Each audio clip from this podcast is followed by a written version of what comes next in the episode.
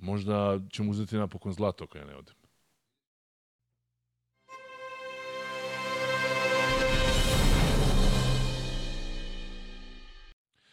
Pozdrav svima i dobrodošli u još jedan Ja Mile podcast. Kao i svake srede, zahvalimo se Admiral Betu i Matijašić Vinogradima na sponzorstvo da sve ovo funkcioniše kao do sad što jeste. Uh, mala molbica, zapratite nas na ovim društvenim mrežama, gde god, na kojim god ste društvenim mrežama, mi smo verovatno tamo, potražite nas i zapratite da budete u toku. Uh, mala jedna molbica, uh, YouTube kanal zapratite, jer vas neka nov, neke novine vas očekuju uskoro ovaj, na našem kanalu, tako bi bilo poželjno da zapravite YouTube kanal da bi mogli da komuniciramo. Uh, ali to je sve povodom uh, specijala za svetsko prvenstvo koje nas čeka uh, za par dana. Moj kolega Duško Sevanović i ja radit ćemo, uh, aj kažemo, analizu analizu reprezentacije Srbije posle svake utakmice u nekim večernjim terminima, verovatno tačan termin ćemo objaviti nakladno. Uh, radit ćemo analizu utakmice reprezentacije Srbije, neki površni, površni pregled tih utakmica umeđu vremenu koje su odigrane i najavu, kako se zove, najavu sledećeg protivnika, a naravno bit će tu i neka rubrika pitanja vas kao gledalaca na koje ćemo odgovoriti. Tako da, zato vam kažem, zapratite YouTube kanal da biste bili u mogućnosti da nam postavljate pitanja i da budete naši, kako bi to rekli, naši, naši, naši kreatori tog programa, te analize.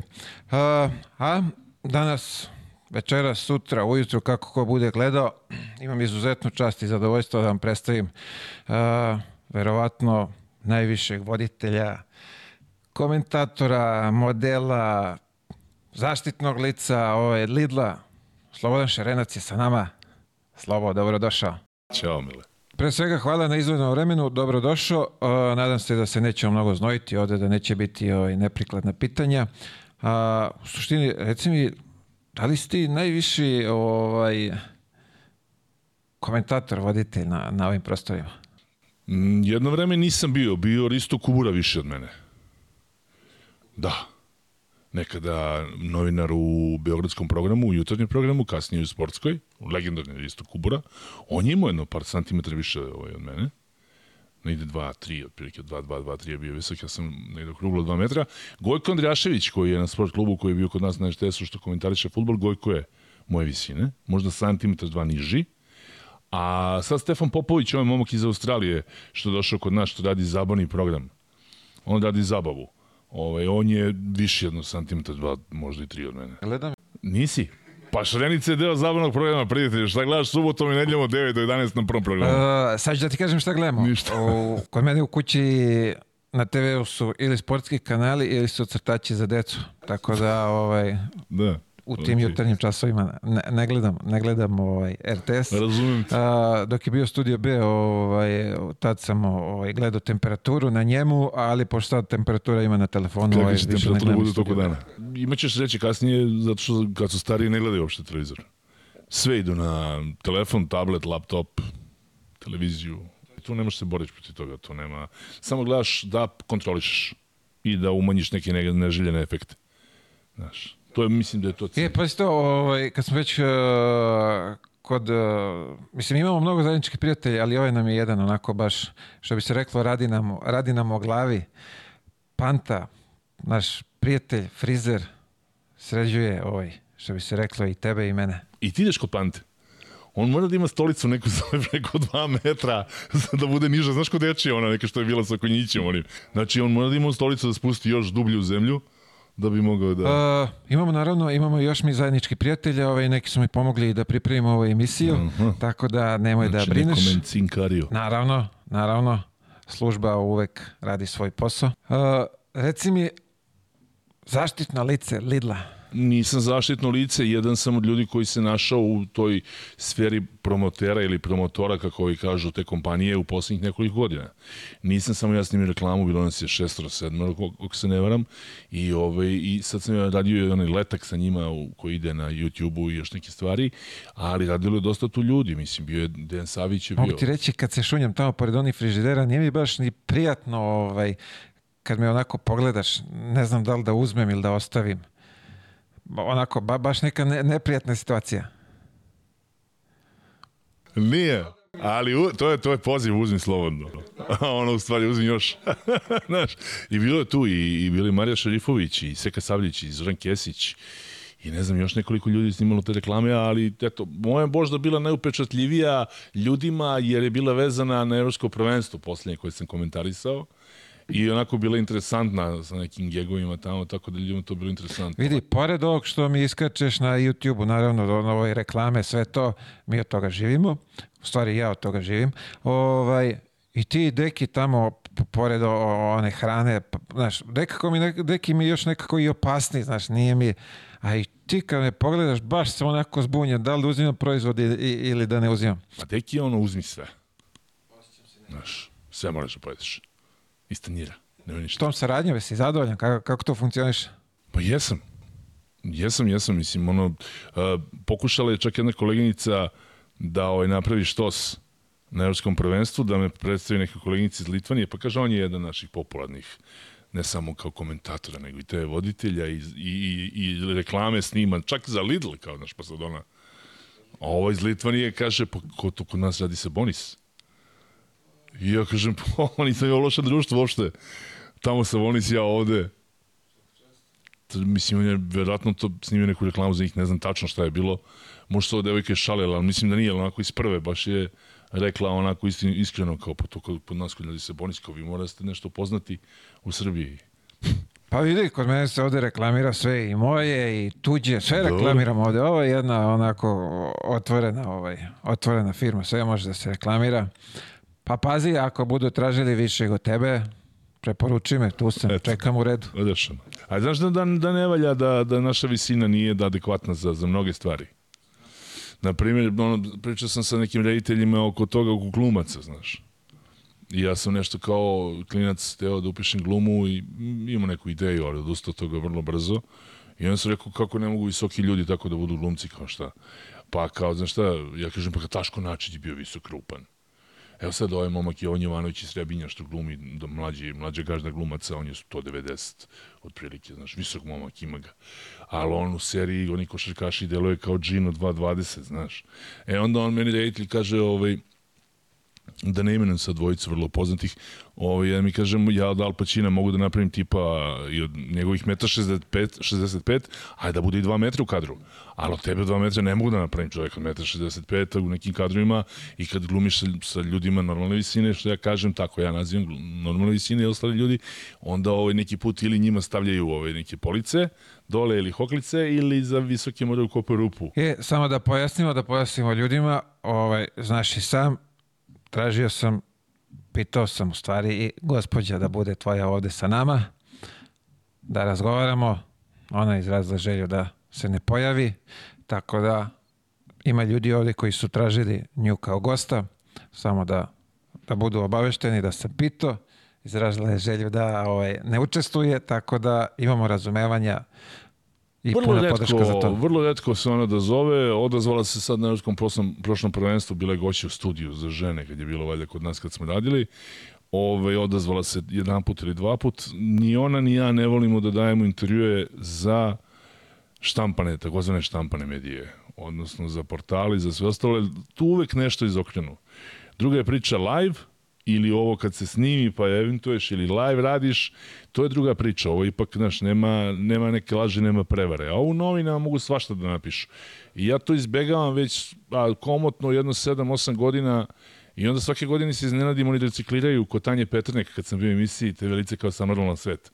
Onda to i mediji uzmu pa recikliraju svake godine po jednom. I to ne, ne idu leto, očigledno kad im zafali materijala, nema dovoljno događaja, onda to recikliraju i onda svake godine ja ne znam nešto mojim ćerkama poručujem i a najbolji bio naslov prošle godine ovaj ćerka mi donosi da li drugari kaže Šarenac čeka zeta u kući nema nikakve veze, ja sam pričao samo za kod Tanje Petrnik, ona pitala kako si prema ćerkama, ja kažem Nikola ko je za mene malo dete, kakav ću ja da budem, naš u šali. Ne, kaže, žena čeka, opasno se spremio za zeta u kući. Pazi sad, baš uh, pre neki dan razgovarao sam s ovim jednim našim zajedničkim kolegom i baš smo pričali na tu temu. Ovaj, ja se zajebam, kažem da, da, da nema mene i ovih emisija ovaj, oni ne bi imali šta da pišu.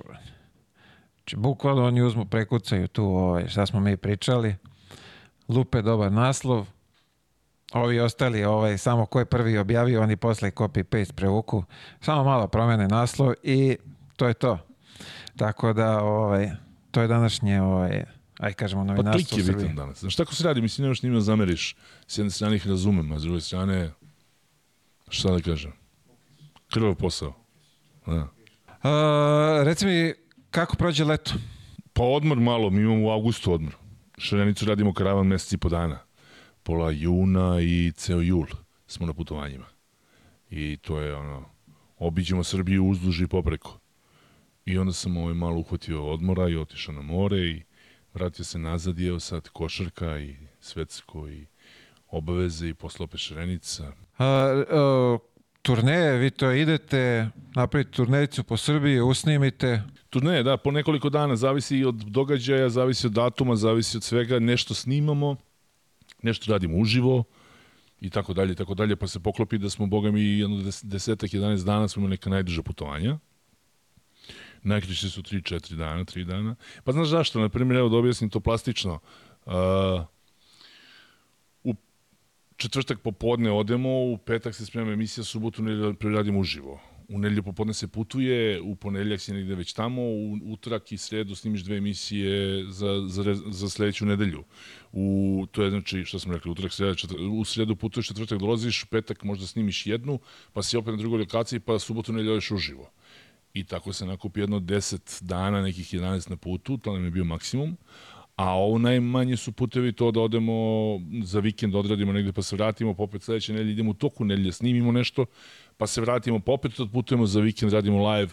Mora da se, mora da se spakuje materijal, odnosno emisije za mesec i po dana i za avgust, nešto za avgust kada smo na odmoru. Znaš, mislim, o RTS-u možemo pričamo šta hoćemo, ali RTS ima dobar zabavljen. RTS jedin ima programe kakvi treba da budu na televizijama za ono što si dobio dozvolu.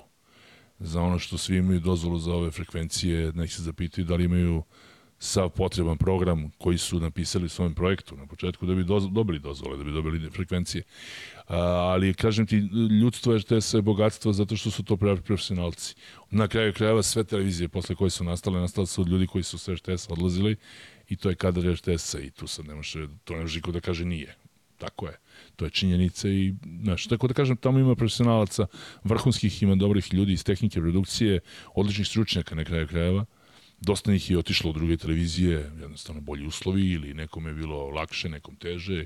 Međutim, kažem ti, to je zaista ceo kadar koji ti radi na televizijama svuda, redko ko da je došao od neke druge škole osim radio televizije Srbije. Pa tako je, ona je prva bila, pa se nastaje logično. A, pa vidi, što se mene tiče, ja bi mnoge tu ovaj, frekvencije pogasio, a pošto se ja ne pitam, Ne znam da li znaš koliko ima televizije u Srbiji.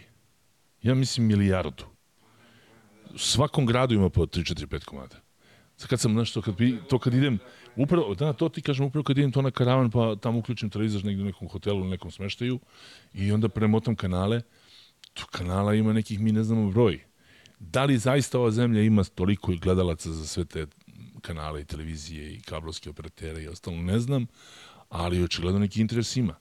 Međutim, smatram da to treba da se, da se svede neki broj, da se to vodi računa, a to očigledno ima dosta prostora da neki muvaju, pa ovaj, imaju koje kakve kanale, koje kakve televizije, ali kažem ti, stvarno treba da vidiš koji je to broj. To je, to je, to je čudo, jedno svako mesto ima po, po dve, tri neke televizije. mada mogu ti reći da uh, razumem, lupam, na primer, Valjevo treba da ima svoju televiziju, uh, te manje sredine, jer uh, na RTS-u neće niko pričati o Valjevu šta se dešava 24 sata, tako da mislim da s- ti manje sredine trebaju da imaju svoju televiziju, naravno opet uh, jedna strana će i tu ovaj, da dominira, tako da verovatno treba i druga televizija da bi to koliko toliko bilo, bilo Slažem se da to treba da te probleme da treba da rade lokalne televizije za lokalne sredine, ali ne treba ih pet.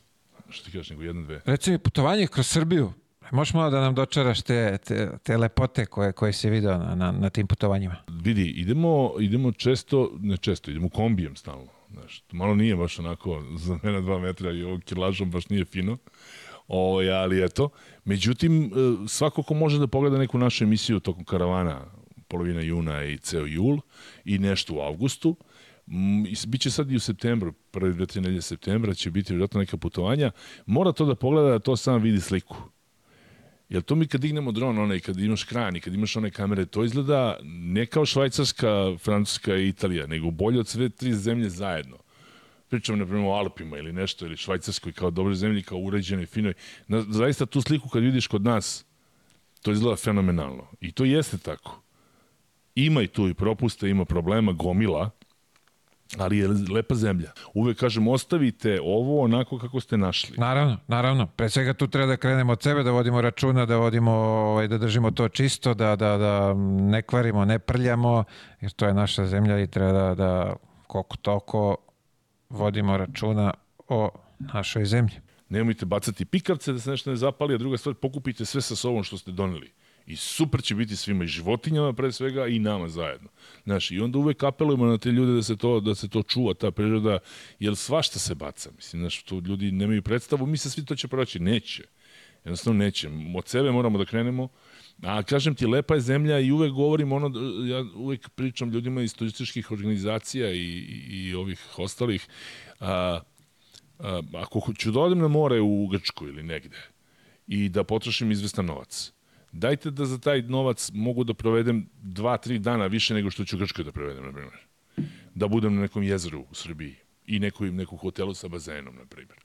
I ako za taj novac ja provedem više dana u Srbiji, pre ću ostati ovde. Jer neće narod ti ostane za 5 dana ovde ako možete pare potrošiti u Grčkoj na moru 10 dana. To je prosta računica, ne može niko ti prebegne. Nije bitno, ako neko voli običnu vodu i ako neko voli planinu i vazduh i da prošeta i da ovde, ne znam, vozi bajs i kvad i ostalo, a neko ko voli da ide na slavnu vodu na more, to je druga priča. Ali ti kažem, cena mora da te privuče da ti ostaneš.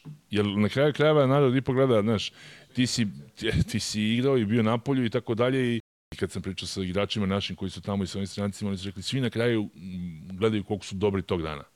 Znači, od onog što na ulici prosi do Rockefellera, svi broje koliko je na kraju zarada i svi gledaju cene. Nikog nema ko će olako da kaže idemo tamo, jako je toliko noć i tako dalje. Svi to gledaju. Tako da tu mora se napraviti neki balans da bi ljudi ostali u Srbiji. Srbiji će biti bolje ljudima, Srbiji će biti bolje onima koji pružaju uslugu, onima koji ti prodaju nešto i tako dalje. A i lepo je da se provedeš da ostaneš tu malo, budeš svoj na svome. Jednostavno je mnogo lepo na ovom karavanu sa šarenicom puno puta. Zaista fenomenalni predeli i fenomenalna mesta za odmor. Znaš, stvarno, ono, još neka mesta da ne možeš da povereš da je kod nas. Zato što ih nisi video. Tako je, tako je. A, mi ovde imamo onako kroz, neki razgovor, a, volim da kažem, više smo da odemo preko, da putujemo, ne znam nija gde je bilo šta da vidimo preko, nego ovde što obilazimo svoju zemlju. Pa dobro, i to je razumljivo i to podržavam i treba Da, ići. ali nismo, ok, mi jesmo odavde, idemo preko, vidimo neke stvari, ali mi ne znamo ni o, o, o osnove svoje, svoje zemlje i lepote svoje zemlje. E, da. da. Nađi mi na mapi Gadžin Han. Ja garantujem da 90% ljudi ne može da naći. To mi bi najveći problem. Ja bi se pre našao u Madridu i Barceloni da me ostaviš da dođem kući, nego negde u Srbiji. Ne sad, mislim, karikiram. Ali realno, do prvih pet godina nisam mnogo znao ni o kulturi, ni o folkloru, ni o narodnoj muzici.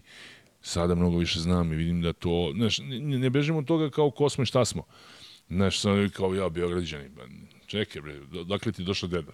Znaš, nemoj sada da izmišljamo tu da smo Nobel, svi Nobles, kako već kaže, nego jednostavno imamo svoje poreklo i od toga ne može pobegnemo. I ne treba da bežimo ni od trube, ni od trube, ni od harmonike, ni od svega, to treba da se sačuva. To je naše, to smo mi, to su naši koreni. Znaš, Reci mi, kako se snašao u, u, u ovom formatu sad, šarenice? Iskreno ti kažem, mada sam ovaj, bio iznenađen kad, kad sam te video da, da si se prihvatio te obaveze, ovaj, pa me sad zanima da izađeš iz ovog sportskog programa, da uđeš u taj program. Baš me zanima ka, kako si ovaj, odlučio se na taj korak. Drugačiji format ponovo, znaš, posebno je drugačiji format, novi izazov. Ja sam ovaj, kod mene na TV-u je košarka počela da se sporadično dešava jednom godišnje, a već imam 30. godine radnog staža, tako da skoro 30, tako da ovaj, ima mlađih, ima boljih, ima pametnijih zna da odu da pravi izvešte, da prate utakmice, da donose vesti, da prave vesti. Znaš, mislim da nema što ni ceo život radiš. Televizija je medij koji melje ljude i eventualno e, imaš ti sad i nove, mlade i lepe ljude, lepa lica, nova mlada lepa lica, ali moraš da zadržiš i neka iskustva, neka iskusnija i starija. Tako da ovaj, svako u svojoj nekoj televizijskoj karijeri ima neki moment kada radi neke, neke stvari. Znao sam se odlučio po onako razgovoru sa prijateljima i kumom i ostalim ljudima i nisam u prvom momentu mislio da ću to uopšte raditi. A, reci mi, koliko si dugo razmišljao, razmišljao o tome? Jedno desetak dana, ne svaki dan da ceo dan sedim, ali onako pitao sam ljude šta misle. Znaš, imam neke prijatelje, imam neke kolege koji su rekli, pa ti možda vodiš i noćni program, to da nije problem i onaj late night show i, i zabavnu emisiju i neki, neki talk show i tako dalje. Ja sam rekao, da, ali ovo je druga priča, ovde dolazimo prvo mesto Žike, koji je radio, Žike Nikolića, Ana i ja smo nešto potpuno drugačije, poredit će nas sa Žikom, to neminovno nije problem, ne mogu da nas porede, dvoje nas je. On je bio sam u toj emisiji, imao je saradnice i koleginice koje su radile s njim, ali je generalno on bio nosilac celog tog projekta. Ovde je u startu bilo nas dvoje. Bili su drugi urednici, bile su drugi i drugi novinari neki i to je poprimilo neki drugačiji izgled. Nije to ona šrenica stara, samim tim što nas dvoje voditelja već nije ona stara šrenica i onda ima neke drugačije forme i drugačije principe po kojima mi to radimo. I ove, ljudi su zadovoljni. Rating je dobar, pokazuje da je okej. Okay. Ljudi su zadovoljni, gledaju i mnogi su bili ove, iznenađeni kako sam se snašao u toj ulozi. Drugi dalje viču koliko to tebe ne zanima, to je neviđeno što se vidi, ja to ne, ne, ne, ne vidim, ne radim, jer ako uhvatim nešto da radim, ne radim ga onako, znaš, s pola mozga. Ja se za tu emisiju pripremam kao nekada što sam se spremao za utakmice, veruj mi. U principu i šarenica je takva da ona treba da da možda šansu nekim drugim ljudima, nekim manjim sportovima, po znacima navoda, manjim sportovima da se vide. A, vidi, iskreno moram ti kažem, kao što sam ti rekao, ja te jutarnje slabo kad gledam, o, ovaj, ono par puta što sam te video, izgledalo je, izgledalo je solidno. Mi, mi idemo, damo ono, neki put i, i ženski futbal i ne znam, i karate i tekvondo i pikado i kuglanje i karling i tako neke stvari da ljudi nemaju stalno to da Stvarno, vidi. to je, ima i kod nas? Ima. A, pa nisam znao, pa karling je najjači sport na svetu. Marko Stojanović je predsednik Karling Saveza, naš glumac i, ovaj, i pantomimičar, on je, ja mislim, i dalje predsednik Saveza. Imali su to neke akcije na, na, na, na zimu i tako dalje. To je dobra stvar. Kažem ti tako neke stvari, daš, da napravimo, da, da, da se vidi, da se čuje. Ljudi mogu od futbola i košarci da čitaju i čuju svaki dan. Ja sam zadovoljan kako to izgleda. Ja sam zadovoljan kako to izgleda. I, ove, i imali su skoro, eto ti Karlingu, ove, neko takmičenje kod nas ovde. Interesantno da su bili oni krugovi u bojama naše zastave, pa imali su onaj kao šarenicu iz Čilima znaš, one šare na, na onom kamenu. Mnogo lepo izgledalo, znaš. Da, pa pazi, ja sam na to naleteo, ja mislim, negde, puf, 2000 i, neka početak 2000-ih na, na, na Eurosportu o, i kad sam vidio, meni ništa nije bilo jasno, gledam ovo, znaš, ono kliza po ledu i nešto idu četkaju ispred. Jeste. I ja mislim da bi bio dobar kod nas. Ne znam kako se nije toliko primio, jer volimo da čistimo, znaš, po onom ledu. A gde se to održava? Pretpostavljam ovde u Pioniru, u da, Ledenoj da. Da, u Ledenoj dvorani, da. Kad je bilo napolju na ovim neki put organizuju kada se otvara ova, klizali, ova klizališta zimi je otvoreno, pa tu nešto urade, da. Tu nešto urade. Ali to publika kakva je tamo, pa, pa to je pišanje smeh. I pri tome prenosio je bre ovaj, uh, pomozi mi, uh, Milinković, je tako? Da. Uh, pa realno to kod nas nema gde ni da vidiš. To, ti, ti, ti čudni sportovi se prikazuju na, na, na Eurosportu, jedino je to je ovaj kanal gde, gde, gde može da se pogleda tako nešto to kod nas. Nema, nije, nije zastupljeno. Ove, ima, ima, znaš, mislim, treba gledati te neke stvari. Znaš šta, u svetu se svašta drugačije nešto gleda. Naprimjer, ne bi verovao na olimpijskim igrama ono preponsko jahanje i onaj cross country konji, kad jašu kroz divljinu prirodu. Ovaj, to, pa onda onaj biciklizam, velodrom kad je u krug, pa, na primjer, e, e, mačevanje, Pa atletika i plivanje to su dva bazična sporta koji gledaju svuda na svetu. Ali kriket i ovo to milijarde ljudi gledaju zato što gleda Indija i znaš, o, ovo kad gledaš kad imaju englesko prvenstvo u Pikadu, pa to, to je to je na vijenju dvorani kao da je svetsko prvenstvo u fudbalu ili kao da Bolt trči na 100 metara. Majke mi, to su, znaš, mnogo ljudi onaj snuker, ono, to gledaju svi ko ludi, to je, to je, to je davno već, godinama već dobar, dobar stvar. Ali kažem ti, nismo mi jedini, znaš, ono, Waterpolo, nažalost, gleda par zemalja u Evropi. To su htjeli da sklone sa olimpijskih igara, jer nema neku širu publiku. Tenis, televizija već godinama s tenisom ima problem što dugo traju mečevi. Odmah se gleda rating, gledaju se, šta, stari ljudi gledaju. Mlađi nemaju živce gledaju. Znaš, oni stavili da skrate gemove i da izbace na Grand Slamovima, pa ovi ne daju. to godina već traje, znaš. Odbojka, znaš, sećaš se kakva je bila promena da se izbaci ono promena, ono, pet sati igraju, to je bilo, to je, to je, svi vikali kako će se igrati odbojka bez toga. Igra se mnogo lepše, mnogo brže. Pazi, ja se sećam i izjave nekog našeg odbojkaša, baš kad je bilo to menjanje pravila da se, da se ovaj, odbojkaški meč smanji na, na, na, na ovo vreme koje je sad, to jest na, na, po novim pravilima da je njegova izjava bila uh, ovaj, ko će sada plati, ne znam, nije kart od 100 evra da bi gledao samo odbojku sat i po, tako da... Ali neverovatno je kako kad je, kad je predveče, kad čuješ sa drugih stanova na otvoren prozor, znaš, kako isto, kako su navijenja, da, da, da, da, da, onda shvatiš da, pa takva smo mi nacija, tu je kod nas pukovnik ili pokojnik, znaš i sam. Ne, promašiš koš, vidi ga ovaj ne zna ništa. Promašiš slobodno bacanje, pa što treniraš kad nisi? Ko da si ti došao namjerno da promašiš slobodno bacanje, namjerno da promašiš ti Pa evo i sad, sad sam sebe hvatam, znaš. Ovaj, kao, kako si mogao da promašiš? Ono, neka glupa situacija, umjesto da je, da je, da je, ovaj, šutne levom, on desnom ili desnom levom. gledao Jani sad odgovor onom novinaru na konferenciji za štampu. Odličan je odgovor. Radim, to je moj posao Nije svaki dan neuspeh i ako završi sezonu neuspeh. I kad je pitao novinar da ti još na posao ideš, radiš, pa je to neuspeh za tebe? Pa kao nije, trudi se da budem bolji. Pa ja, kaže, svaki dan, samo ne mogu i da budem bolji od drugih. Pa mi ovde na Balkanu volimo, ako možda poređamo sve po spisku, ovaj, jer smo kao strastveni, strastveni smo ovaj, navijači i volimo to tako. Balkan ceo i dole jug, Grci, Turci, temperament je takav i to ne vreći. Znaš šta me zanima? A, veću popularnost si dobio ovaj, sad uh, vođenjem Šarenice. Jeste, interesantno je. Nije baš ne, druga, drugi, drugi tip publike me prati sada. Znaš, ono sport kad je bio, gledaju ljudi koji vole sport i gledaju velika takmičenja skoro svi. I glas su ljudi u to vreme najviše prepoznavali. Onda kad te vide, sete se da smo radili one uvijek emisije koje idu stoji, uključenje u dnevnik i tako dalje, veliki je to rating. Međutim, ovo je druga vrsta publike koja je izuzetno verna Šarenici bilo ko da je vodi i dobar deo ljudi gleda to i onda ovaj sada zaista ta popularnost možda je otišla na korak više. Ja ne mogu da je merim na taj način, merim je prema količini ljudi koja prilazi da pita nešto sa slikamo ili nešto kažu. Ali ovaj, mlađe generacije me znaju kao voditelja Šrenice. Znaš, ovi mlađi sad kad mi rekao ovaj komentator košarke, mi rekli, nije ovaj. Da, ali, znaš, e, i to je problem, to je Aleksandar Tijenić, nekadašnji direktor televizije, ovaj, pokojni Tijenić, imao dobru ideju, a gde radiš ti? Na televiziji, odlično. Ko te zna? Te zna neko? Ako te ne zna niko, zašto radiš na televiziji? Nije televizija za tebe onda ako te niko ne zna. Jer televizija je slika. Moraš se pojaviš na toj televiziji. I moraju da znaju za tebe, moraju da te prepoznaju, moraju da se upečatljivi, mora da imaš nešto, mora da radiš. Ako ne radiš, ako ne znaju ko ti radiš na televiziji. Znaš, ono, imaš komentatora danas koliko hoćeš. Je znaš nekog lice neku u njih? Redko. Redko. Redko. Od 30, od 30 znaš trojicu. Ma da ne, ne, ne, stara garda je to. I Gojko i Viško i ovo što si pomenuo, to je sve stara garda, to radi po 30 godina. Ali ove momke koji imaju 5, 6, 7 godina radnog staža, 3, 9, da li znaš neko njih? Ne. Zašto?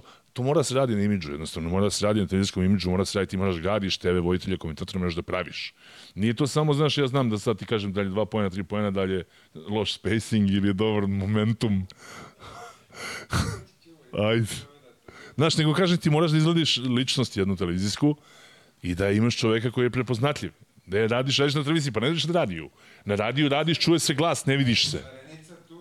Da, podigla jeste na jedan viši nivo, ljudi gledaju, veći, veća publika gleda, znaš, gleda širok, širok auditorijum, širok dijapazon ljudi gleda, širi. Pa mogu ti reći, pre neki dan ja isto ovaj, šetam gradom i ono, ljudi prilaze da, da se slikaju, znaš. Sad, sad me svi znaju kao ja Mileta, pretpostavljam da niko nema pojma da se da, no, to je normalno, vidi, to je normalno. Znaš, kad je Anđe imala na incident u saobraćaju, mediji su napisali ovaj, napadnuta žena Slobodana Šarenca a njeno ime je veće od mog deset puta. Znaš, to je glupo. Ali klinici od 2000 na vamo nemaju pojma, na primjer, Kojana. A mene gledaju vikendom na TV-u i gledaju me ovako, pa kao znaju. Pa daj da kliknu. Znaš, žena Slobodana Šarenca, daj klik, klik, klik. To je to, to je to. Znaš, i zato ti kažem, e, evo ga Mile, evo ga Mile s podcasta, a gde je igrao Mile, dalje bio Medice, dalje igrao NBA. Huh? Znaš kao, gde? Stvarno, igramo košarku? Da, da. A pazi, imam sreću, imam sreću za razliku od tebe, bar me ovaj, ne mešaju, ne, ne mešaju me ni sa kim, znaš. Dobro, mene isto ne meša, nisam. Mene meša s tobom. Ali ti si stavio naočare sada, ajde, pusti vrat. E, pazi, nije mi jasno kako tebi Jovana, kako tebi Jovana mogu da pomešaju. Ne, ne, ja ne vidim tu, ovaj, ali tebe su mešali konstantno. Ni meni veruj mi, mislim, i oci isto. Mi se smejemo na to. Dešava se, dešava se. To čak postoji na, na, na Instagramu i na Twitteru grupe koji se zezaju sa tim. Nama je to simpatično, ali nama je simpatično i nama je smešno to, mislim. I oce i ja se tome smejemo. Ovaj, čak nema neki put i fore na to. Ja kažem da sam ja njegov stari brat od teče, da je on viši od mene, lepši, ja sam samo stariji. Ne, a pazi, i, i mene su, moram ti priznam, da, i mene su mešali dok, sa, dok sam bio u Americi, znaš, ovaj tamo u, u, u New Jersey i kako se zove, imao sam neku obavezu ovaj, ispred kluba trebao sam da, da se pojavim gore na, ne, na nekom štandu, nešto da uradim, znaš, da tamo ima ono pravilo, da imaš neke obaveze koje moraš da, da uradiš u toku sezone i to se ispostavilo da, da treba za, za vreme utakce na polovremenu ovaj, ja sam u tom momentu krenuo gore ka, ka, ka tome da to završim i ljudi me, znaš, zaustavljaju kao da se slikaju sa Krletom. Kao Krli, kao je, može slik. I ovako to gledam, kao neko me zajebava. Tako, hoćete samo kažem kakvi su to tamo navijači i koliko oni zapravo znaju ovaj, igrače svoje koji su u ekipi i koji igraju. Uh, svetsko prvenstvo ispred nas Kao što si mi malo pre rekao, RTS je obezbedio prava, prenosit će utakmice Srbije. Da, RTS radi doma naše utakmice, radi dva polufinala i finale. I pripremni period ovaj, imamo 3-4 utakmice, pa mogli više. Ako nemate ljudi me pitate, znajte da bi ja kupio sve. Da bi ja sve uzao da, da, da radimo, da komentarišemo, da pratimo, ali nije u mojoj moći.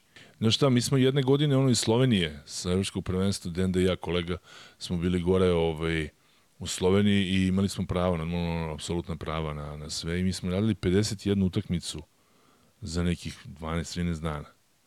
Ovi kolegi iz Slovenije su se smijali kad su ovih, na, ovih naši zvali odavde kako su ova naša dvojica. Kaže, oni rade više nego slovenačka televizija koja je nosilac prava, koja je domaćin.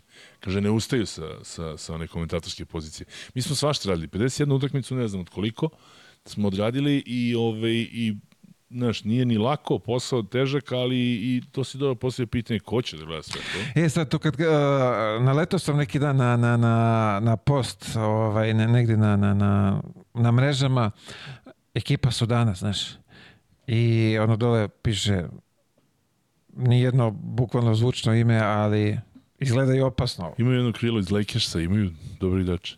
Mislim, trude se, šta znam, potrudit će se, ali realno mislim da je naša ekipa tu favorit broj u grupi i da posle tamo sa italijanima ćemo odlučivati verovatno o prvoj poziciji. Opet italijani, da. da. Ne, nego kažem ti od Italije gubimo već i kvalifikacije. Da, ali kvalifikacije smo ovaj, uh, igrali protiv Italije za olimpijske igre, kaj Kokoško vodio, to smo izgubili, evropsko prvenstvo sa, sa Pešićem i ono što smo još jedno pre toga izgubili. Izgubili smo tri na isti način protiv Italijana i to će nam biti vrlo, vrlo bitno sad kad budemo ušli u drugi krug. To je dobra ekipa koja sazreva već godinama. To je dobar tim koji godinama sazreva. Poceko je sličan Aleksandru Đorđeviću. Znaš da su Saletu, kad je bio selektor, našli gomilu manjkavosti kao treneru. I po ceku nalaze isto svaki dan. Ali očigledno je on taj motivator i taj šraf vrlo bitan koji ume da igrače veže da i da znaš ti sam kako to izgleda u ekipi. Kad imaš trenera koji zna da te motiviše i koji zna s tobom, koji je prošao sve to i koji je bio tu gde si ti bio. A mislim, vidi, nemaš ti, nju, a, nemaš ti njima šta ovaj, tu mnogo momci dolaze iz ozbiljnih sistema, oni košarko znaju, pokaže šta se radi, to je samo neka potrebna neka motivacija. Da malo ih izmotivišeš. Oni znaju da igraju košarku, ne, oni nisu od juče. Ka nešto, tako je. Nešto da te podstakne i da te pokrene. E, to je Đorđević i to Đorđević i dalje ima i to Poceko ima za Italiju. I čak onaj njegov fazon u Evropskom prvenstvu kad je isključen, kad se opraštao sa svima, kad je napravio, tu, to je trebalo presići sledećom tehničkom našom. U istoj sekundi da je poništiš. Jer on je napravio toga predstavu. Svi su bili, ja, znaš, Poceko, pa italijani, a oni gube 15 razlike u tom momentu, znaš. Zreli su za, za 25.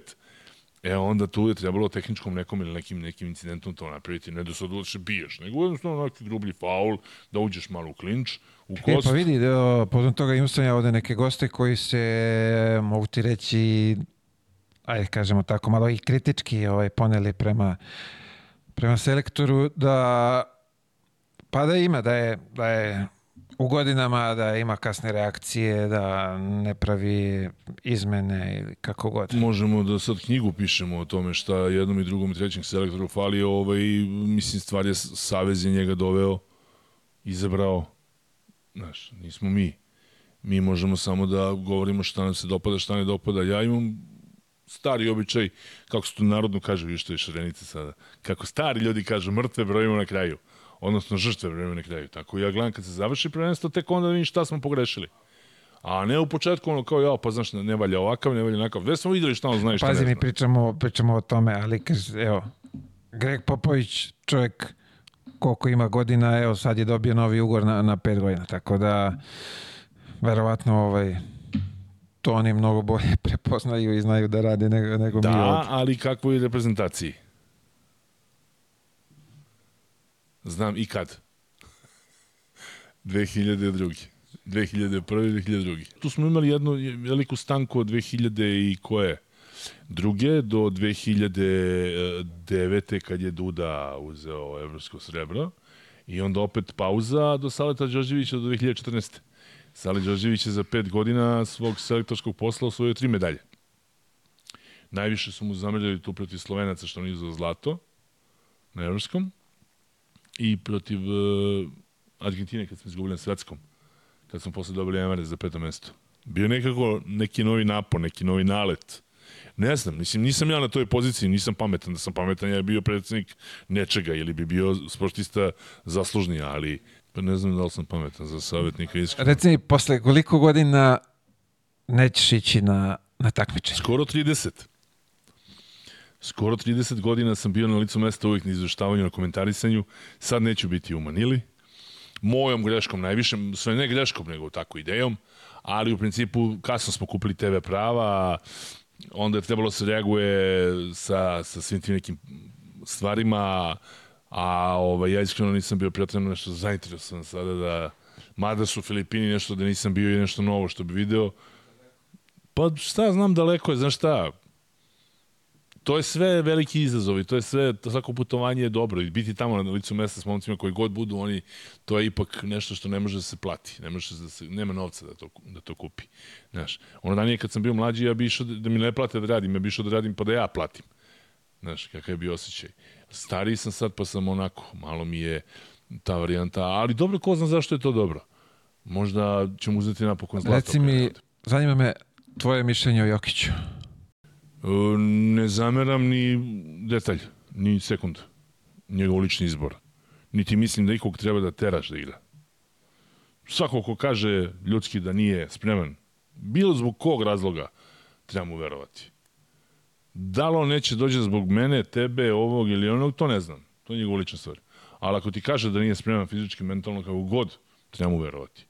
Ne osuđujem nikako, zato što nemamo pravo više da osuđujemo nikoga. Jer ni ranije nismo imali. Izgubio se taj osjećaj prema reprezentaciji. To je sigurno. To znači niko ne može da kaže da, da, da se nije promenio, promenio se i tekako.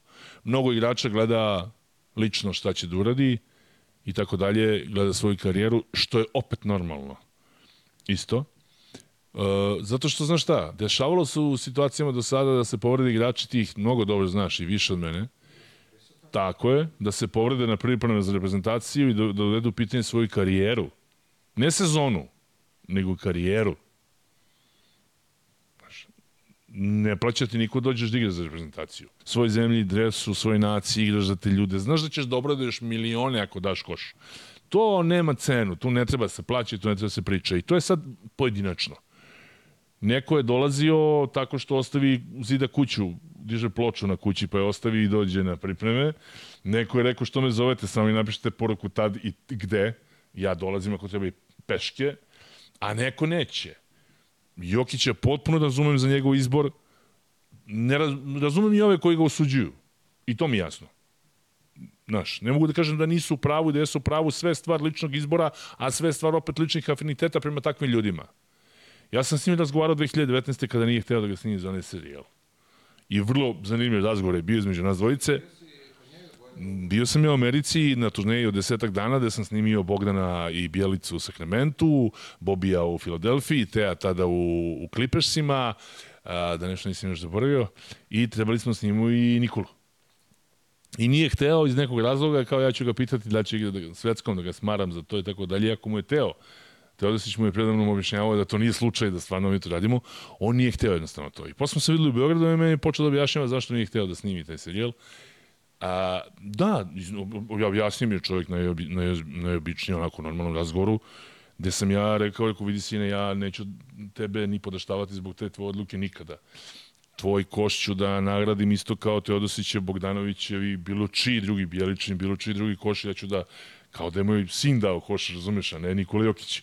Ali rekao, tvoji neki izbori u životu tebi donose to da te ljudi vole, ne vole ti ne moraš, ne on, mi svi, ne moramo da radimo nešto da bi se nekom dopali.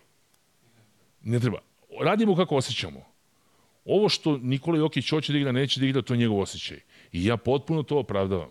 I ne može da se kaže da uzmite mu pasoš, ne znam šta su ljudi pričali, ne dajte mu da se vrati u Srbiju, pa ljudi, pa nije ovo, nije ovo, nije ovo zatvor na terenu njegovu reprezentaciju, da bi on sad nosio drveće i kamenje i ugalj neki, razumeš, da ide. Ide da igra i igra, igra posle nahođenja. Hoće da igraš, hoćeš, neće. Igraš sledeće godine, možda neće sledeće, ko zna. Evo igrao je koliko Jokić, nemoj da zaboravimo, on je tri puta bio za od 2014. znači to je koliko? 7 godina. On je tri puta igrao za reprezentaciju. Za 7 godina. Ljudi to zaborave. Znači, ne igraju samo imena.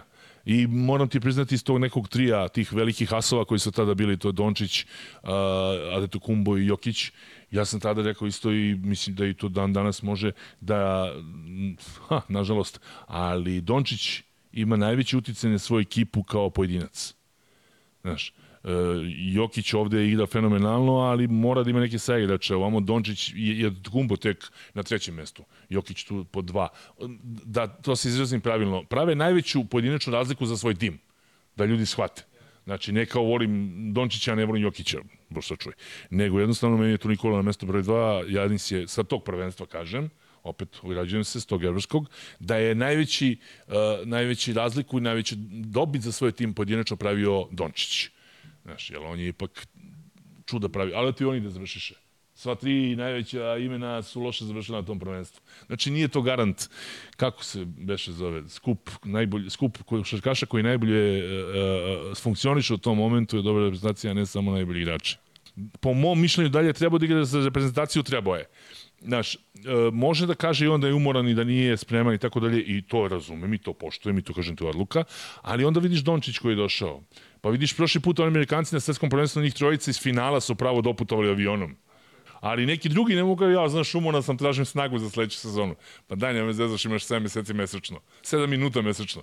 Doći bre igre. Znaš, Jokić nije, Jokić je odigrao sezonu najtežu do sada. Da li bi ja da ga vidim u reprezentaciji? Hteo bih da igra i ove godine, svi bi to volili, ali ga ne osuđujem. Ne mogu, jer sam digao sam ruke 2019. sam rekao, on je takav momak, on ima taj neki svoj štos. Ljudi misle da on tako ne voli sve oko košarke i tako dalje. Ja mislim da tu malo ima i nekog marketinga malo i tako dalje i on je takav, ali tu ima i oko njega, što bi rekli ovi mladi, vidiš Mile, moramo da budemo toliko ovaj hype koji se pravi oko njega, znaš, tako neki tajanstveni, neki, neki, neki kroz dim, neki kao on izlazi, dolazi, da će doći, neće doći. Mislim da to njega ne interesuje, nego to neki drugi oko njega malo naprave da to bude interesantnije, znaš. A, pa pazi, ajde sad malo i da se pohvalim, ovaj, a, znao sam ja mnogo pre nego što je ovaj, sve ovo bilo da, da, da on nema želju da igra, da se neće pojaviti. A, me samo zanima zašto to ljudi iz Saveza ovaj, ili ko već ko se bavi tim ovaj, to nisu ranije objavili, ne znam šta su čekali, zašto su toliko odugovlačili sa, sa tim, ali ovaj, malo je to sve čudno odigrano, ako smo znali još ranije da čovek ovaj, neće, ne želi, se na vreme saopšti i svima bude lakše. Tako je. I što se pravi čitava medijska pompa oko toga, dečko ni kriv ni neće da igra i ne može da igra, ne, ne može da izdrži. Ne treba to raditi, to treba na početku kažeš ja ne mogu, ljudi, razumite me, ćao. Znaš, mislim, ne može to niko, ali vidi, sad opet narod pravi i, i balans, i razliku neku i neku, ne, ne, u, gleda onako, naš Vasu Micića, niko nije pomenuo što ne igra. Zato što je Vasa bio za reprezentaciju kad mu je majka umrla, ostao s tim.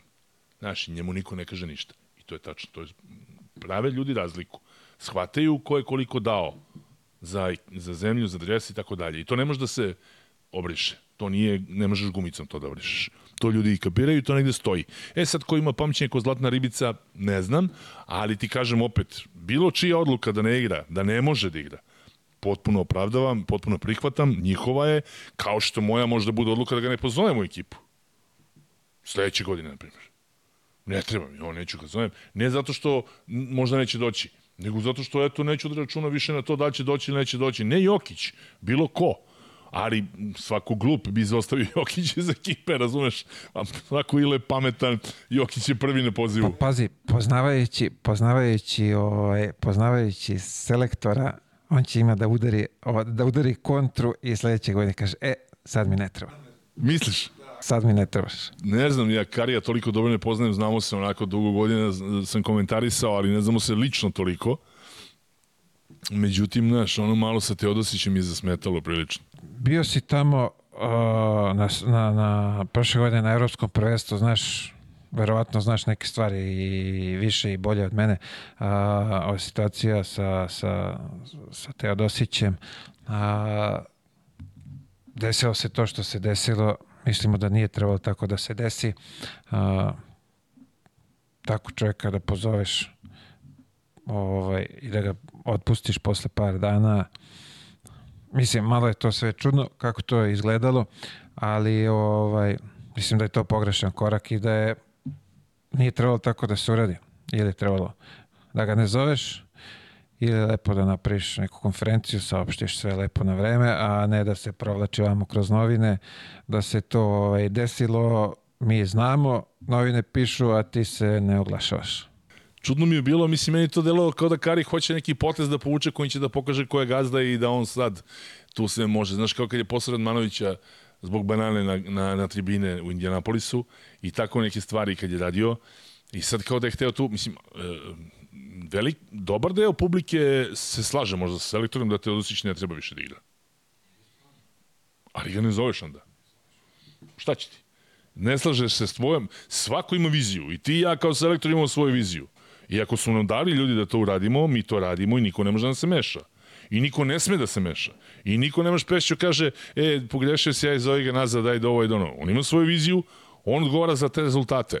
Ne dopada mi se Milo Ilić kako igra, ne dopada mi se. Ali Milo Ilić u tim godinama s tim stažom, s takvim igranjem do sada, ne zasluže da ga pozoveš pa ga držiš 5 dana pa ga pustiš kao klinca od 18 godina sa prvog spiska ga sečeš. Nego jednostavno ne zoveš ga uopšte i daš obrazloženje.